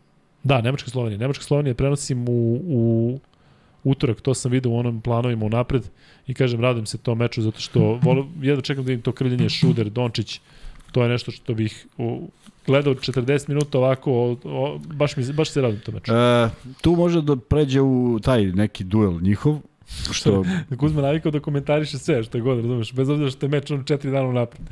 ti, ti Kaži. pokren, počneš temu. Pa Šuder. za taj meč da ne dođe do onoga ja sam bolji, ovo je bolji. Ja mislim da Pa sam da, ja znamo bolji. svi ko je bolji, ali Šuder... Ali da ne bude dokazivanje jer će jedan od, da odvuče do ekipu u jednom drugom pravcu. Mislim da ako će neko da odvuče, da neće će- odvući Slažem se ja. gospodin. E, ajde udarimo još neki like. Smo rekli da dođemo do 1000 lajkova da napravimo. Nismo još došli do ovaj- hiljadu. Ne, 701. Au. E, za, ma, za Au. Markanina da puste Kuriđu da ga nalupa. Samo da ga stigne. E, ko na manje leži Litvanija ili Slovenija? Ne, ne razmišljam uopšte o tome. Neću ni da, da uopšte idem dotle da, da vidimo šta radimo u ovom sada što sada u ovoj fazi. A da se ne ponavljam nešto što je sad počelo da, da, da se ljudi, zezaju ljudi, ja gledam samo šta mi treba da igramo i ne treba da, da, da strahujemo od nekoga ako igramo ono što igramo. E, kako mi je mišljenje o Saši Vezenkovu? Delo mi da čovjek opasno igra, mogao bi igrati bilo gde po mom mišljenju, pita Jovan Gvozdić, Pa, poznat igra. po tome da uvek prvi Da da uvek- odgovori kad Da, treba. pa igra u lošoj reprezentaciji. Igra baš loše Pa reprezentacije. da, Gde ko imaš Ryan Giggs, ko i... Ryan Giggs što nikad nije otišao na svetsko prvenstvo ili možda jedno. Viš ga Kuzma što prati futbol, a? Kako ne prati, Ajde- ajde, čovjek ajde velšanin, reci- jedini velšanin kojeg znam. Ajde da još jednog velšina Sam Bale. Možete, ajde. koji? Imaš u Arsenalu, Arsenalu? Te znam koji igra u Arsenalu. Ovo kad po, da go, neka poznata ličnost odmah. Ma ja. Da, da, da. da, O, da. onaj, pusti njega Taj. sad, nećemo ga Da. spominjamo. Pu, pu, pu. E, jel se slažete da ćemo sa Finskom imati najtežu tekmu u grupi? Ja se slažem. Mislili smo da je Češka, ali ispostavit će se da je Finska. Tako je. E, A možda i neće biti teška. Pitanje je koja nam reprezentacija iz kruga načih najmanje odgovara i bilo bi nam najteži rival. Pa mislim da Slovenija zbog toga što oni kada te ubaci u taj ritam ne može da, šta ćeš kada on šutne, Dončić šutne sa 9 metara da, pa onda Prepreć šutne sa 8 metara da i onda ideš više na tu varijantu da, da ne da. A vidim da svi daju. Dakle, vidio si Dragić i sve. Znaš šta mi je ono što, što, čega sam se setio danas? E, 2017. E, kada je Slovenija osvojila, kada su igli protiv nas u finalu, znaš koja je bila najbolja petorka e, prvenstva? Dragić, Dončić, Bogdanović, Šved kao najbolji strelac i Pau Gasol. Pazi, to je poslednje evropsko prvenstvo. Dobro, bila je korona, pa je sad 5 godina. Pazi, gde su sad svi? Bogdanović, nažalost, ne igra. Pau Gasol u penziji. Šved ne igra zbog, zbog, zbog u, u ratnoj penziji. I Dončić i Dragić tu. Sa različitim ulogama. Da, Dončić tada imao godina 17 godina. kasnije, pet godina kasnije, pazi, pogledaj, Bogdanović je tu, Jest. ali nije tu. Da. Šved je tu, ali nije tu. Piti Jovića Da, pa gde dobro, dešava se, ali mnogo je to dug period. Ja i sada ne krećemo tu priču Ali, o kad ti evropskom viš kako zvuči kao prvenstvu. posljednje evropsko prvenstvo. Znači, nije sad kao... Pa ne znam zato koliko- što smo mi rasli u drugom periodu, kad je bilo na dve godine, Tako igre, uživaš, i uživaš i i neće se to nikad vratiti i ovde bi su više nekih Jel bi drugih vratio? interesa. Ma bi kako vratio? ne bi vratio, vratio bi na jedan samo da... Ko što se igrao ova prvenstva u do 18 do 16 godina, Pa tako? naravno. Pa što, mislim, Ali vidiš kako je sad to kontradiktorno od onoga što pričam. Šta je onda sa igračima i sa njihovim pauzama leti? Da, kad ljudi da odmaraju? pa zato što, vidi, nije bilo... Ono što je Milović rekao, nije bilo, nisam leto- nije bilo kvalifikacija. Nije bilo kvalifikacije. Za prvenstvo. Znalo se, jedno, jedno takmičenje te vodi na drugo, drugo na treće i ideš u krug. Da, kapiram. A ne sad Slovenci treba da se kao evropski prvaci kvalifikuju za svetsko prvenstvo. Pa to nema veći paradoks. Jeste. Avdija je tanak Dibidus, kaže Marko Borisavljević. Nije tanak, ali iskreno da ti kažem, očekivao sam više. Imao i večeras je bio meč winner, ali pre toga neki šutevi onako prilično... Pa nema ko da preuzme. Nekako pa delo malo... da priča sa saigračima na način koji nije baš e, onako, nešto se, na koga, na Sorkina, nešto mu objašnjava onako neprijatno. Ne znam, mislim da je premlad da bi se tako, mislim da Jokić tako ne priča kad priča sa Davidovcem, više se onako raspravljaju. Šta znam, želimo, Avdi toliko odskače u Izraelu da me ne shvatite pogrešno. Dakle, on je tamo broj 1, pa 10 met, mesta prazno, pa e, onda pitaj Boga ko je, ali e, Menko. me, Menko je ispred. E, Menko je autoritet. Da. Kako se zove Menko? Joshua. Kako se zove Nadal? Rafael. E, ovo je slično. Rafi Menko. Rafi Menko. Tako je. Da li mislite da Gudurić preteruje u finti šuta? Svaki put kad mu neko vrati loptu iz reketa i ima solidnu poziciju, on napravi fintu šuta i težu poziciju. Jeste, ubacio se par puta u, u težu poziciju, iako je mislio da će biti lakša, a mislim da je mislim da je, da je, da je imao priliku u oba slučaja da, da šutne mnogo komotniji. Da li je Dorsi najbolji Amerikanac koji nastupa na evropskom prvenstvu? E, meni delo da jeste. E, vidjeti, kažem jednu stvar. Mi pričamo braća Kostas, ne kako se prezivaju, Janis i ovaj, Tanasis, ali, ali da nema ovoga, stvarno bi bilo ozbiljan problem za, za Grčku. Danas? Ne, da nema Dorsija. Kako ne bi bio problem, bi bio ozbiljno. Vidi, vidi, ima još jedno pitanje koje potpuno sam zaboravio koliko je spektakularno na utakmici Grčka i, i Italija. Znaš koji je uzeo zadnji šut? Kalates. Za tri. F- van pameti potpuno. Da li ide na on autoritet, imam ja iza sebe. Kuzma, ali on možda pogodi trojku, a ne znam da smo mi izvi, izvikali smo ali toliko. ne može. Ne može čovjek koji je ovaj ih je vratio u život. Nemoj da uzmeš. Pa ti budi taj... Ma, Bravo ma, ma, ej, ovaj je na šut... koleđu, ne znam da li ljudi pamte na koleđu. Ma neću da pamtim nešto toliko 62. kao šta je sad. bilo. Nema to nikakve veze. 2007. Nešto, Ovaj 22.. čovek, ovaj čovek danas opet rešio utakmicu. Pogodio sve trojke, opet Dorsi. vratio, pa da. Pa daj onda da uzme digne. Ne, on, ne drnda on loptu, nego drnda Kalates pa baci Dorsiju, a ne obrnuto. E, kako mi se čini Nemačka? Ili da budem precizniji, Njemačka. E, A. potencijalna mina, kaže Srđan Mićanović. Pa E, nije, nisu mi bili danas pretrano ubedljivi i mnogo mi je žao što ovde što su što su Bosanci izgubili snagu pre svega, što je što je pao fokus, što je to poluvreme očigledno ih je malo ubacilo neku minus fazu posle izuzetnog poluvremena i da si me pitao i dalje bi davao šanse da, da nije otvorena treća četvrtina kako je otvoren.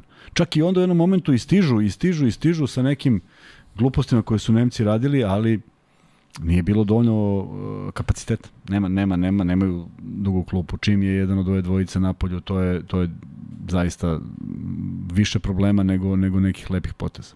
Imam pitanje, pa onda pod pitanje. E, da li misliš da Nemačka je najbolje koristi svoje domaćinstvo? Gruzija, Češka, Italija, Nemačka. Pa da, oni baš pa jesu, igraju u su, atmosferi. jest, Pritom oni su jest. školovana košarkaška publika. Kad prenosiš Nemačku ligu, oni ljudi stoje od 50 godina. U Jeste, proseku sve vreme stoje i tačno. jeste. I daju im vetar u leđa i... plus Dirk, plus Jest. sve ovo, dakle oni nekako i uh, odmah posle toga pod pitanje da li odobrao što evropsko prvenstvo na četiri različite lokacije, četiri Ne, različite države? glupo mi. Zbog? Nemam pojma. Zašto sam navikao na Ja drugačije. razmišljam, uh, znaš, opet avionom ti uvek dođeš ovamo, dakle, ima nekog smisla da pot, neke ekipe tako ispotenciraš. Ne, Kuzma je stara Kajla, on bi, ti bi, Stara, ti ja bi da jedna prvenstvo hala, ja jedna hala, u Beočinu, ne, jedna hala, ne, mesec dana ako Sad, treba traje. nego u Beočinu i da, da Beo Banka Jedna bude... i smenjuju se i Tako nema dve da. hale, nema tu da se gleda na dva mesta, nego sve utakmice gledamo i...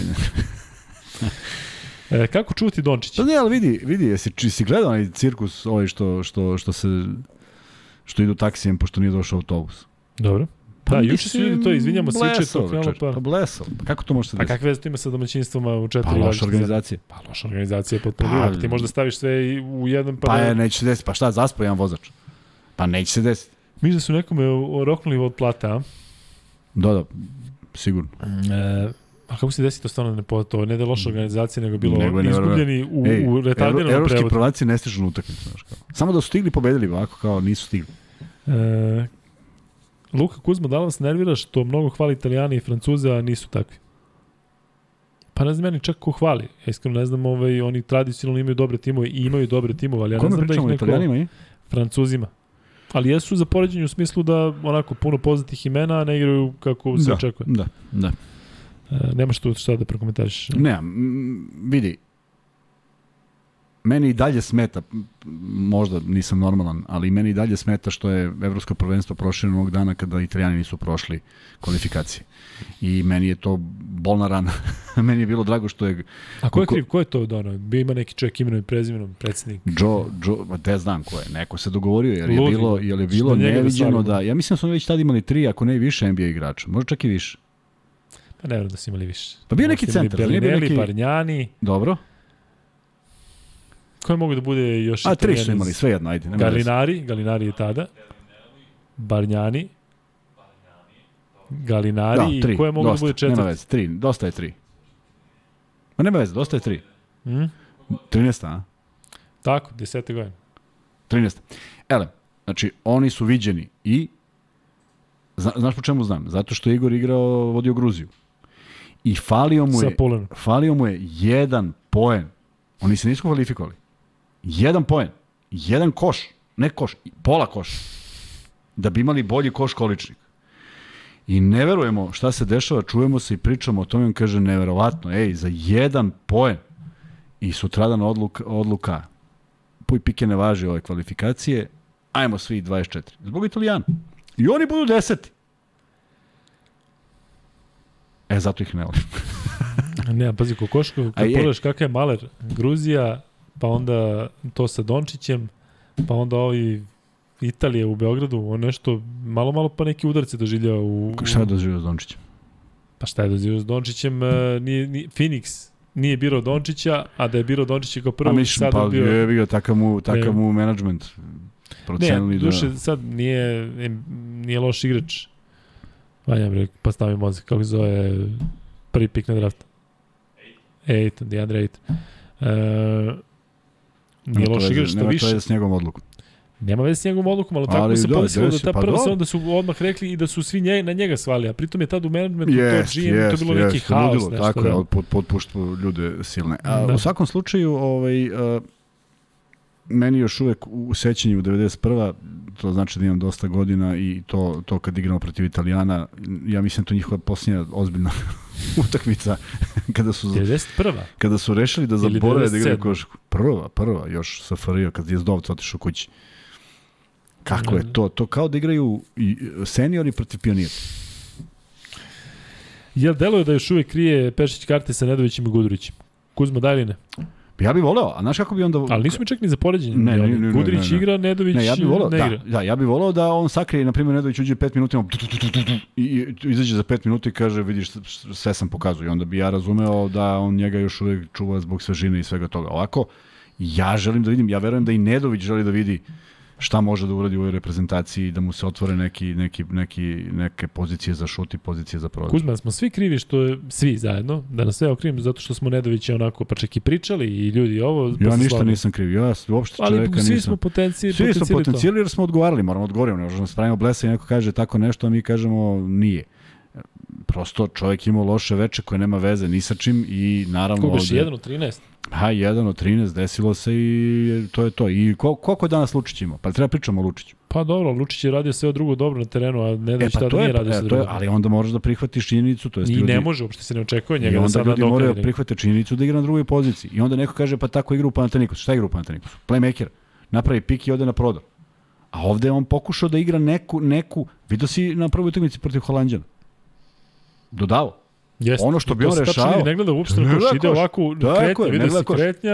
Jer on sad Na mora, 45. jer, jer od njega se traži nešto na što on nije navikao. Tako da, Da. treba imati razumevanje za to. Ako mu se nađe pozicija i bude li ušao na svoju poziciju sa Vasom Icićem, na primjer, umesto Marinkovića u nekom momentu, i da ovo što je dobio Marinković, bam, bam, bam, što ga nađe Jokić, da vidimo, da vidimo u kakvom je on raspoloženju i šta možemo da očekujemo. Bam, bam, bam. Slušaš Kamilu Neću ništa da znam. E, Luka, da li, sada mišljenja, da li si sada mišljenja da je okej što nema Teodosića zbog Vasine uloge, da li ti je sada to okej? E, jeste. Evo, ja priznajem da sam promenio mišljenje, nisam ja čak ni bio skroz na strani da Teodosić mora da igra, samo mi je neko delovalo kao šok, a sada vidim da, da očigledno je čovjek znao šta radi, tako da ja priznajem da, da sam sada mirniji, ajde tako da kažem. Dakle, nemam problem. Imamo Kažeš, pitanje od Dejana Andrića. Šta kažeš? Jedno kaže šaljivo pitanje. Da smo treneri nekog kluba, ti i ja, aj ti Bićemo. budi, ti budi pomoćni. Ajde. Dobro. Ja pomoćem, ekonom da budem. no? Koga biste doveli od ova dva igrača, Šveda ili James? Ti znaš moj odgovor. Ne znam. Koga? Šveda, Šveda ili James? Pa Šveda. Šveda, naravno. Pa dobro, ni Šveti nije baš omiljen. Šved mi je omiljen, Šved mi je omiljen kada ima malo obzira prema svojim saigračima. Jesi ti gledao svoj podcast sa Lukom i Kuzmom dok je Stefan Jović bio to? Jesi ti slušao? slušao? Jesi čuo sa Švedom između Jovića i Šveda šta je bilo? Ne. Da. Dao bi ja Šveda.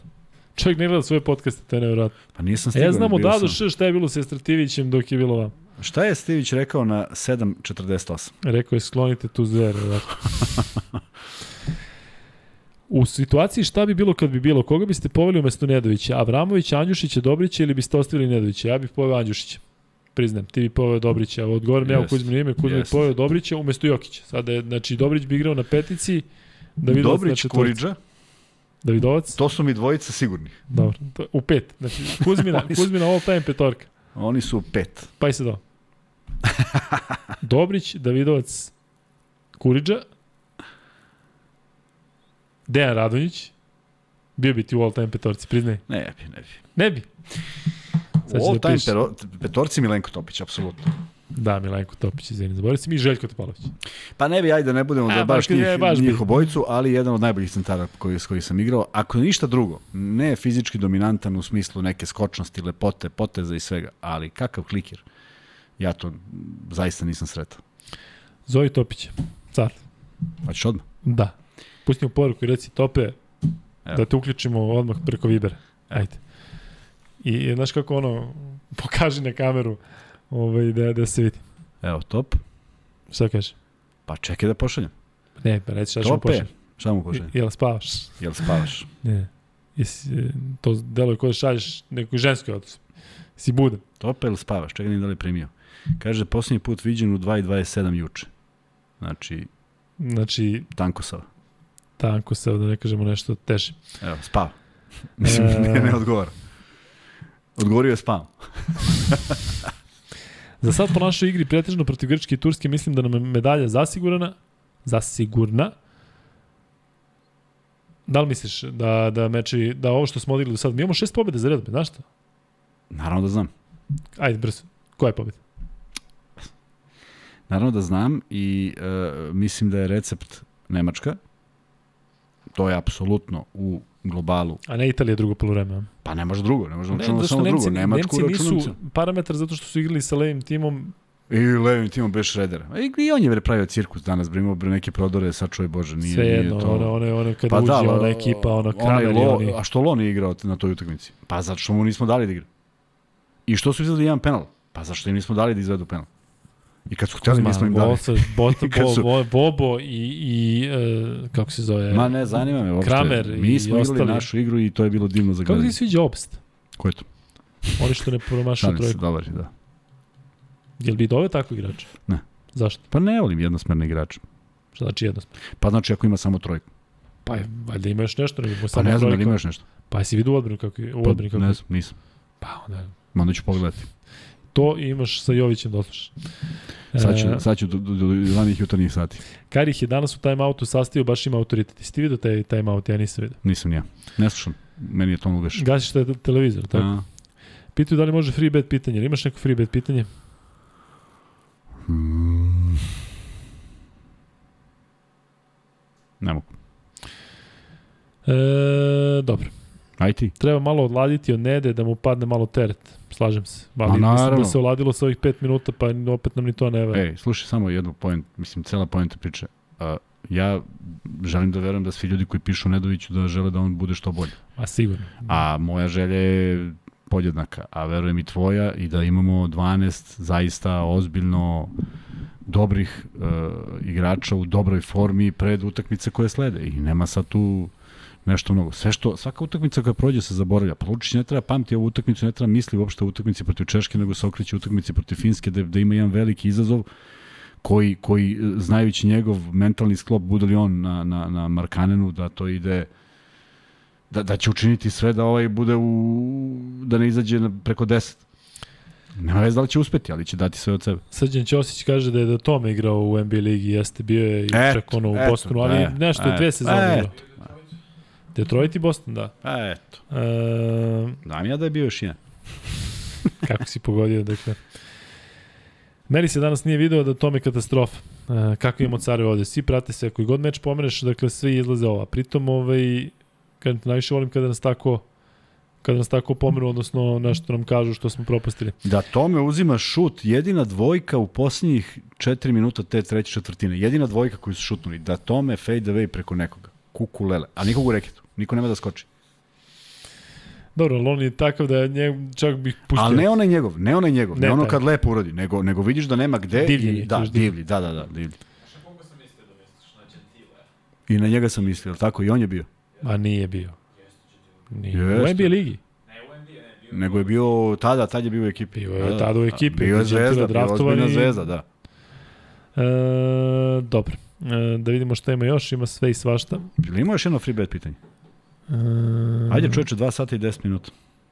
Bio sam danas u Kelnu. Nemačka Bosna, nemačka publika smešna, sve što znaju da navijaju odbrana, odbrana, da će Bog da se sretnemo sa njima nekako u finalu, da vide šta je strast. Ne, ne vidim ih ja u finalu nikako. Koga? Nemce. E, na kojim pozicijama ima najmanje kvalitetnih igrača na prvenstvu? Pa rekli smo Kec, je li tako Kuzma? Ko su, ko su ti playmakeri koji se izdvajaju? Ajde, reci tri Ne, playmakeri. ne, mogu, zaista ne mogu. Toliko je utakmica, moram, sutra će Ne, biti... ne, utakmica, ali Znam, evo sad sutra će biti italijanima. Imaš Janisa, imaš Markanena, imaš ovo, imaš Dončića, naravno. Da, imaš, ima, imaš, imaš Dončića, imaš Dragića u, istim, u istoj ekipi. I? Ko? Da, jeste Šuder. I imaš, uh, nemaš u Ukrajini, nemaš u Estoniji, nemaš u... Da, baš tako. Nema, nema ih mnogo. Pozicija playmakera, zato Mhm. se stalno i traži. Pa dobro. Ali dobro, kad tako pomišljaš neke, e, gde su lideri? Kad, kad pomišljaš onako ti NBA igrači. Janis, Jokić, pa ajde i taj Gober, Nurkić, dakle sve su to nekako visoki igrači, baš se potrefilo Pa da, da...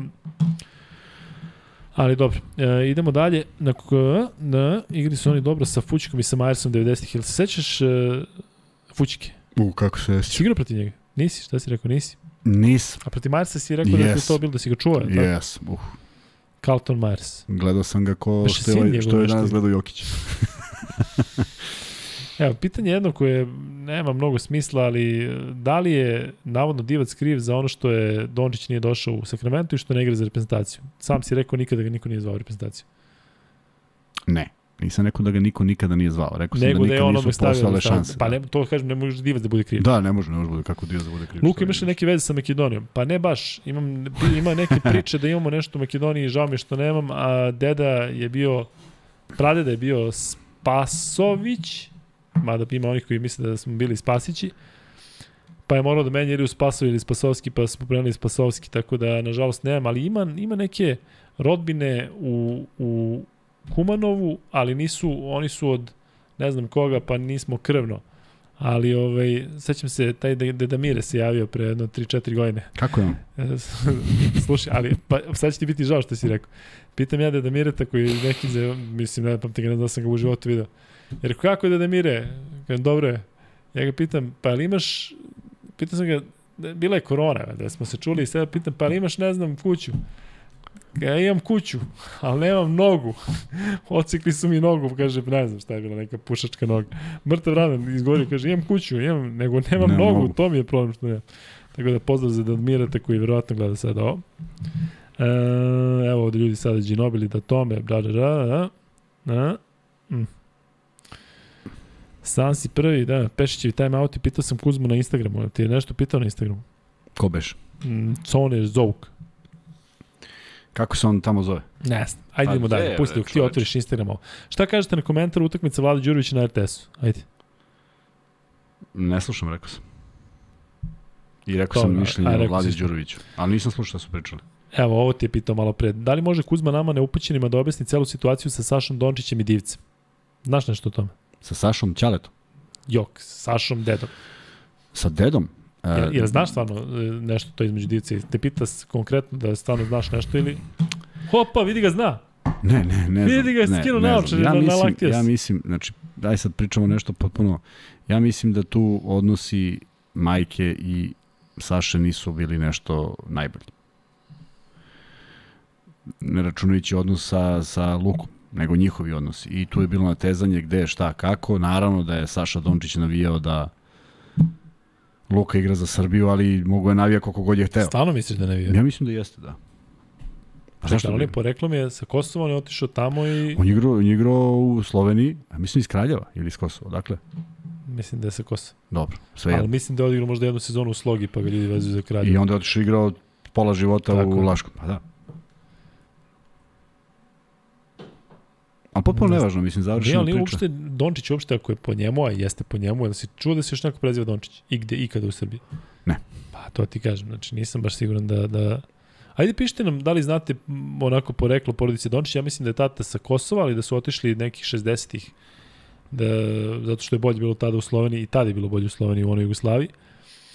Ali nisam siguran da, da znam tu celu priču. E, šta mislite o Wagneru? Dosta je pokazano na obe strane, blokada nad Nurkićem i trojka na kraju. Si vidio onu blokadu? nad Nurkićem? Yes, yes. Ali vidiš, kaže komentator, oni, to je jedino što sam čuo komentatora, kaže kao na zakucavanje, uopšte nije bilo zakucavanje, nego je prošao, koncentrisao se na njega, pa ga ovaj sačekao, pa izgledalo ne znam kako. I Je- nisi rekao, šta viš ti o Nurkiću, ajde baš kad smo već tu. Ma samo da je samo da on ima da nema tu glavu kako ima. Pa, ali neko mi Suviše- pristaje mi, pristaje mi Pa pri, uz njegov temperament da, ali ali to je odvlačenje fokusa. Zaista, on, on razmišlja o svemu, on, on zakuca pa onda ono gleda preteće. Mislim, gubi se energija bez veze, razmišlja o potpuno 15 stvarima, ne kako će da odbrani sledeći napad. E, u- u- uživa u tome da, se, da ima pažnju na terenu.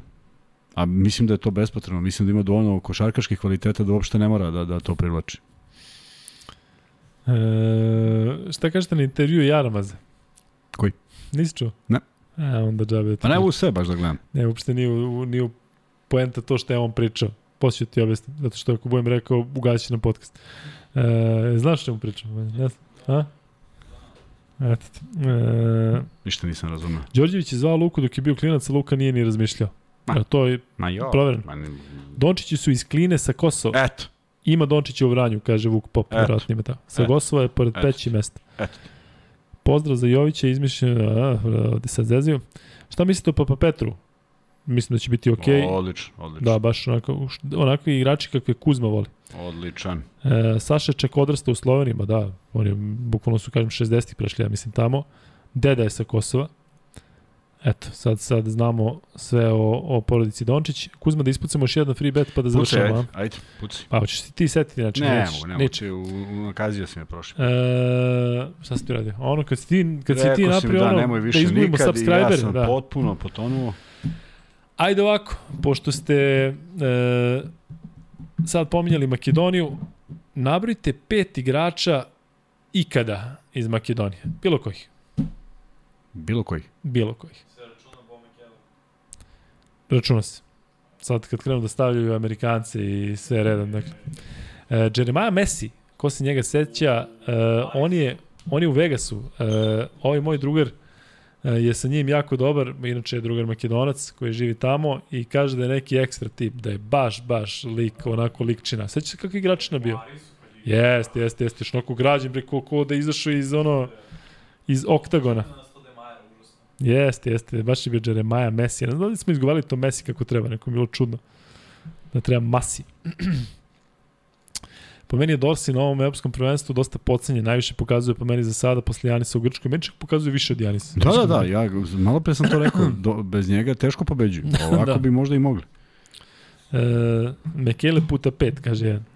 E, da vidimo ko je prvi odgovorio. Vanja, ti mi, ako nešto tamo samo baci pogled. E, Dončiću tetka živi u Smederevu. A gde su Dragićevi? Dragićevi, ja mislim, u Požarecu.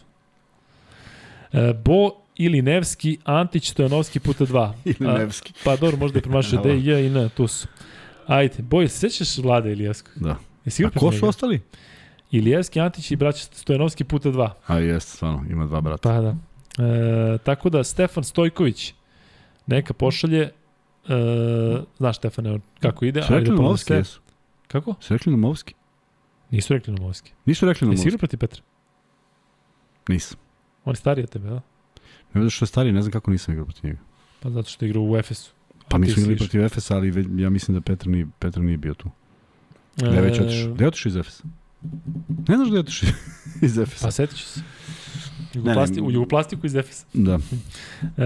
Ne, da, on je bio 90. gde nije mogu da igra 99. Ali ako jeste igrao na nekim manjim Piše da je i, i Saša je rođen u Sloveniji. Dončić? Pa piše od. Moguće. E, jel može neki savjet za nas mladi igrače? Evo, pitanje tako, klot, izvoli. Savjet za mladi igrače. Gledajte podcast sa Lukom i Klubom. Savjet za mladi igrače. Ima ih toliko. Hajde stvarno, evo, ajde, imaš, imaš minut da posavjetuješ dečka koji ima 16 godina. Prvo da voli. Da ne Koga ide da zato što mora. Pa, na, da, ko da voli? Da voli sport. Devojku. Da ne ide zato što mora da je spreman da istrpi svu nepravdu sveta koja mu se čini u tim momentima. Da bude istrajan. Možeš pustiti neku muziku za pozdrav, ne? ti, pe, te, ti pevuši, ti pevuši, uh, kako su se, grlom u jagode. Da. Da bude istrajan, da uh, ne odustaje, da veruje u sebe, uh, da koristi sve savete i sva znanja starijih, jako je to teško u savremeno vreme, ovaj, mi smo zaista te igrače slušali, sad mi deluje da kad ja bi nekom nešto rekao, taj bi mi gledao onako belo i rekao ko je ovaj i šta lupeta. Tako da, da, da su to vrlo bitne stvari, od njih može mnogo da se nauči i uvek i ultimativno igrati zato što voliš. Ako je sve, ako postoji neki drugi motiv, onda batali nema mnogo smisla. Pitaju da li će sutra live biti u isto vreme. Sutra, uh, momci, dakle, ja završam ovaj 3x3 oko 23.45. Znam da mi je to kasno, dakle, bit će u u 12, ali onda u ponedeljak... U 6, možemo... onda ćemo u ponedeljak u 6, ujutru. Pa ne možemo zašto igramo. ali nema, stvarno pa ćemo za zato ujutru. u ponedeljak iz Efesa u Benetton, evo kaže Grajz. Grajz koji ja mislim da se prvi put eto, javio. Eto. E, jesi igrao protiv Benetton? Ne. Čuo da je umro Henry Williams, je ima godinu nazad. Znaš ko je Henry Williams? Ne. A me zevati, on je levoruki. A znam, šalim se. A od čega je umro? A, pa znaš? Ne znam. Znam samo da je umro. E, šta smo rekli za ponedeljak? Za ponedeljak kada bude Srbija igrala sa Finskom u 9, možemo već sada da kažemo da je 11. Dakle, imamo plan nedelja 12, ponedeljak 11. Može? Ma, delay nešto su rekli da ne. Uh, Delayčina. Delaya neka će da bude. Ajde napišite nam da li biste volili da slušate mene i Kuzmu kako prenosimo ovde, sedimo sa vama i prenosimo... A, a znači pustiš nam ovde, tako? A možemo mi da probamo kako izgleda a kako prenos je slika, nečega. kao HD ne, kako, ili nema veze kako je slika, nego kako, kako, izgleda, kako izgleda prenos, da li smo mi u, u realnom vremenu? I mi smo negde dole, jel? Nije, ne, ne, ne, ne, ima kašnjenja. Pa koliko? Pa neki 20 sekundi. Znači ovako, mi damo koš i naši gledalci gledaju i onda posle 20 sekundi mi kažemo koš! Pa dok nije baš. Ne, tako nećemo reći sigurno. Tako Hoću, ja ću tako da govorim. Za svaku Samo, koš. Znači, samo da bi uvijek I kad slobno bačemo, koš! štresno nekoga. Da. kašnjenja, mislim, vi ćete sve vreme vidjeti u kadru, naravno.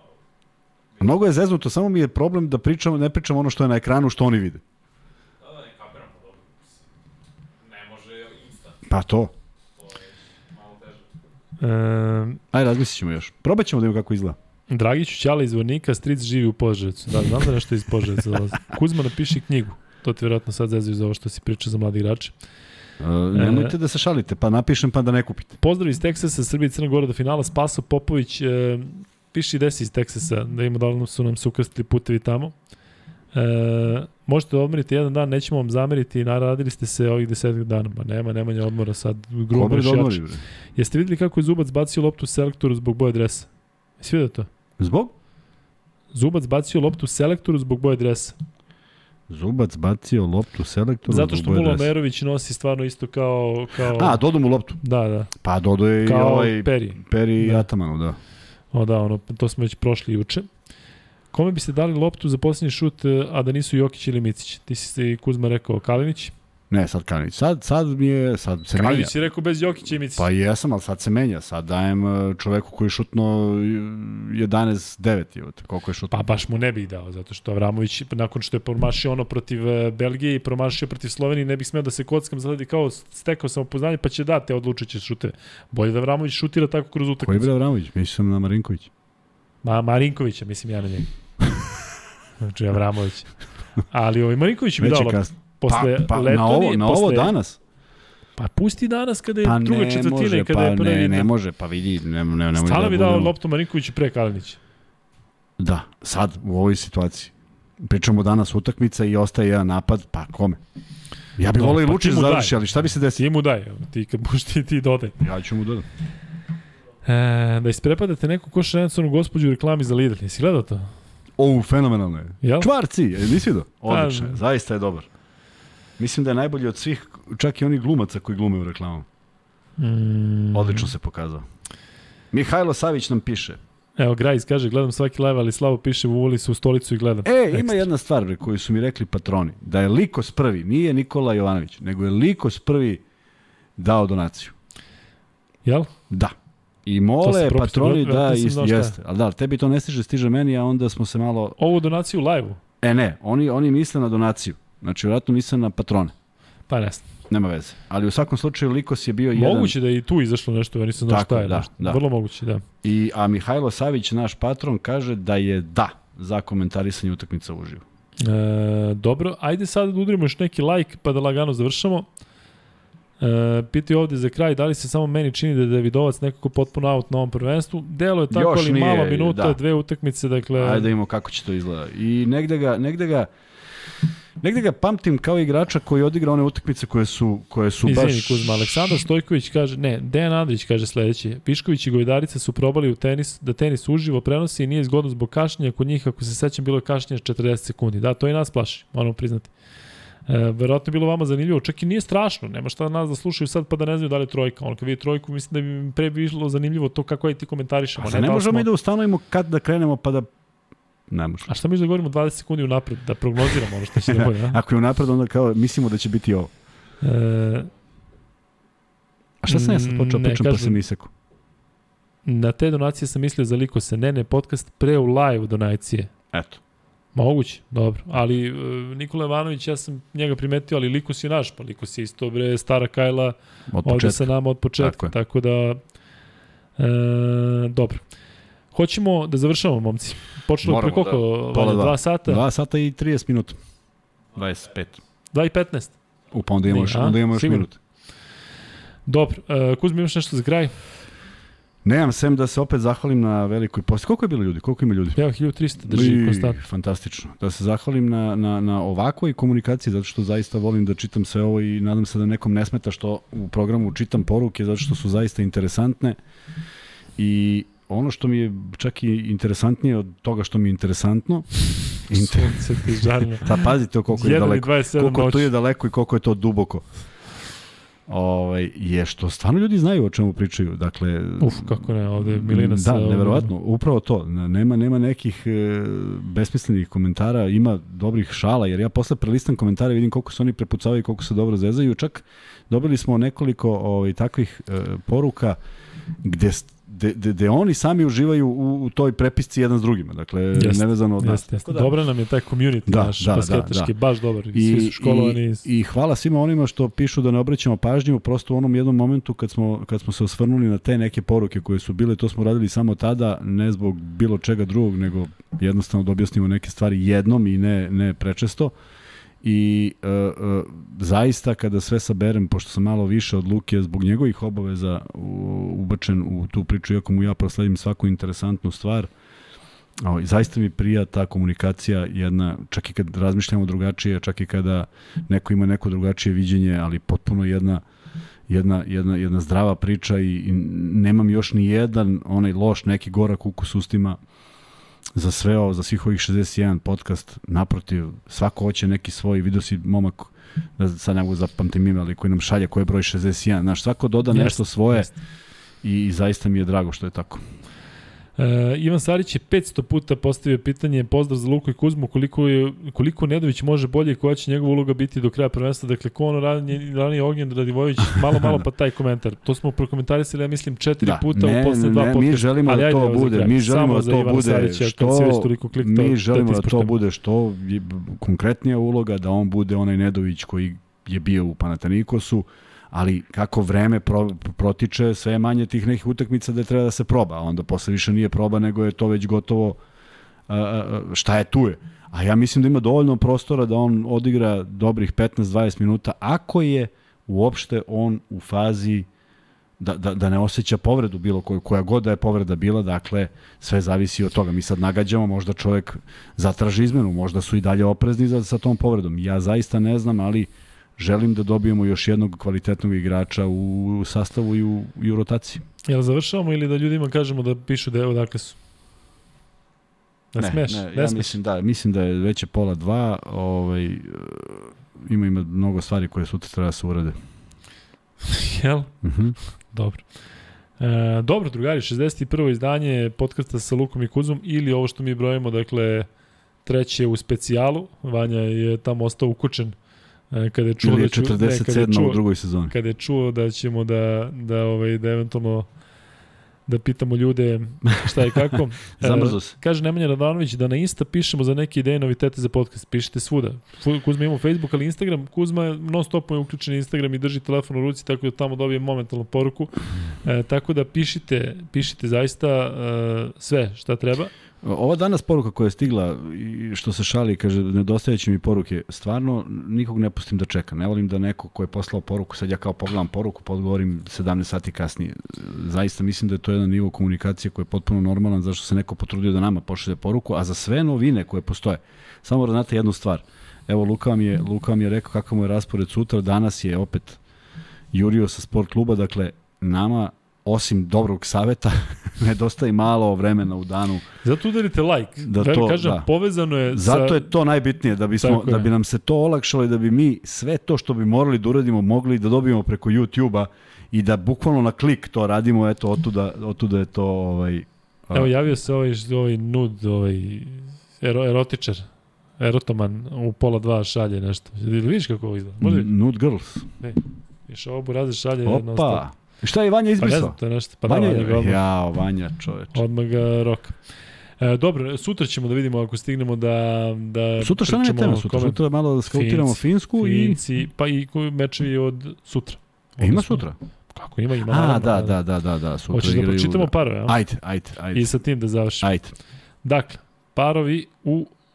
Šta je danas? Danas je bila o, sutra je nedelja. Ajde. Bugarska, i, i ti kažeš, i hoću da odeš kao što si juče rekao, ho, i koliko razlike. Može? Ajde. Neću koliko razlike, ne znam. Vidi to, to, ne to ne. Hoću ko pobeđuje, ajde. Pa pazi, Bugarska, Crna Gora, baš da čem šta da kažeš. Crna Gora. Evo ti koska, Litvanija, Nemačka, Litvani, Španija, Belgija, Španija. Slovenija, Bosna i Hercegovina. Ne pravi tu pauzu da sad kao bude, sad ću ti da kažeš Bosna, ajde baš. Ajde, dobro, reći ću Slovenija, ali počeo se smijem kad bude bilo. Ajde, A počeo da se smijem. Neću, sad neću. Opkladu. Kako pa, evo ja uzem Sloveniju i šta, čokoladu O, i... trt, trt. Ne sme Ako da ja kažem Bosna. Ja uzimam kamion čokolade, a ti ako dobiješ, Može. dobiješ čokoladicu. Može. Ho, ho, ho. Gurnut ćeš me u, u kanal. E, dobro, stvarno dobar meč. Ekstra, Da, 17 i da, 45. Da, da, Turska, Gruzija. Turska. Opa, Pa sad posle očekivao 2-0, Gruziju. pa nemaš, Pa teško, baš zato teško, da se da. I najteži meč za kraj, Francuska, Mađarska. U... Tu bih igrao X. X posle prve četvrtine. E, dobro, to je sada stvarno Na samom kraj. podbacivanju. Evo viš, sad doćeš da ostaneš, rekao Neću, idem, da se idem, radi idem, idem, stvari. imam mnogo da radim. Već, sam, već, već Ovaj- kasnim 3 minuta. Ljudi, hvala vam, 61. izdanje podcasta s Lukom i Kuzmom je gotovo. Sutra se vidimo od 12 u nedelju, ponedeljak oko 23, možda 23.15.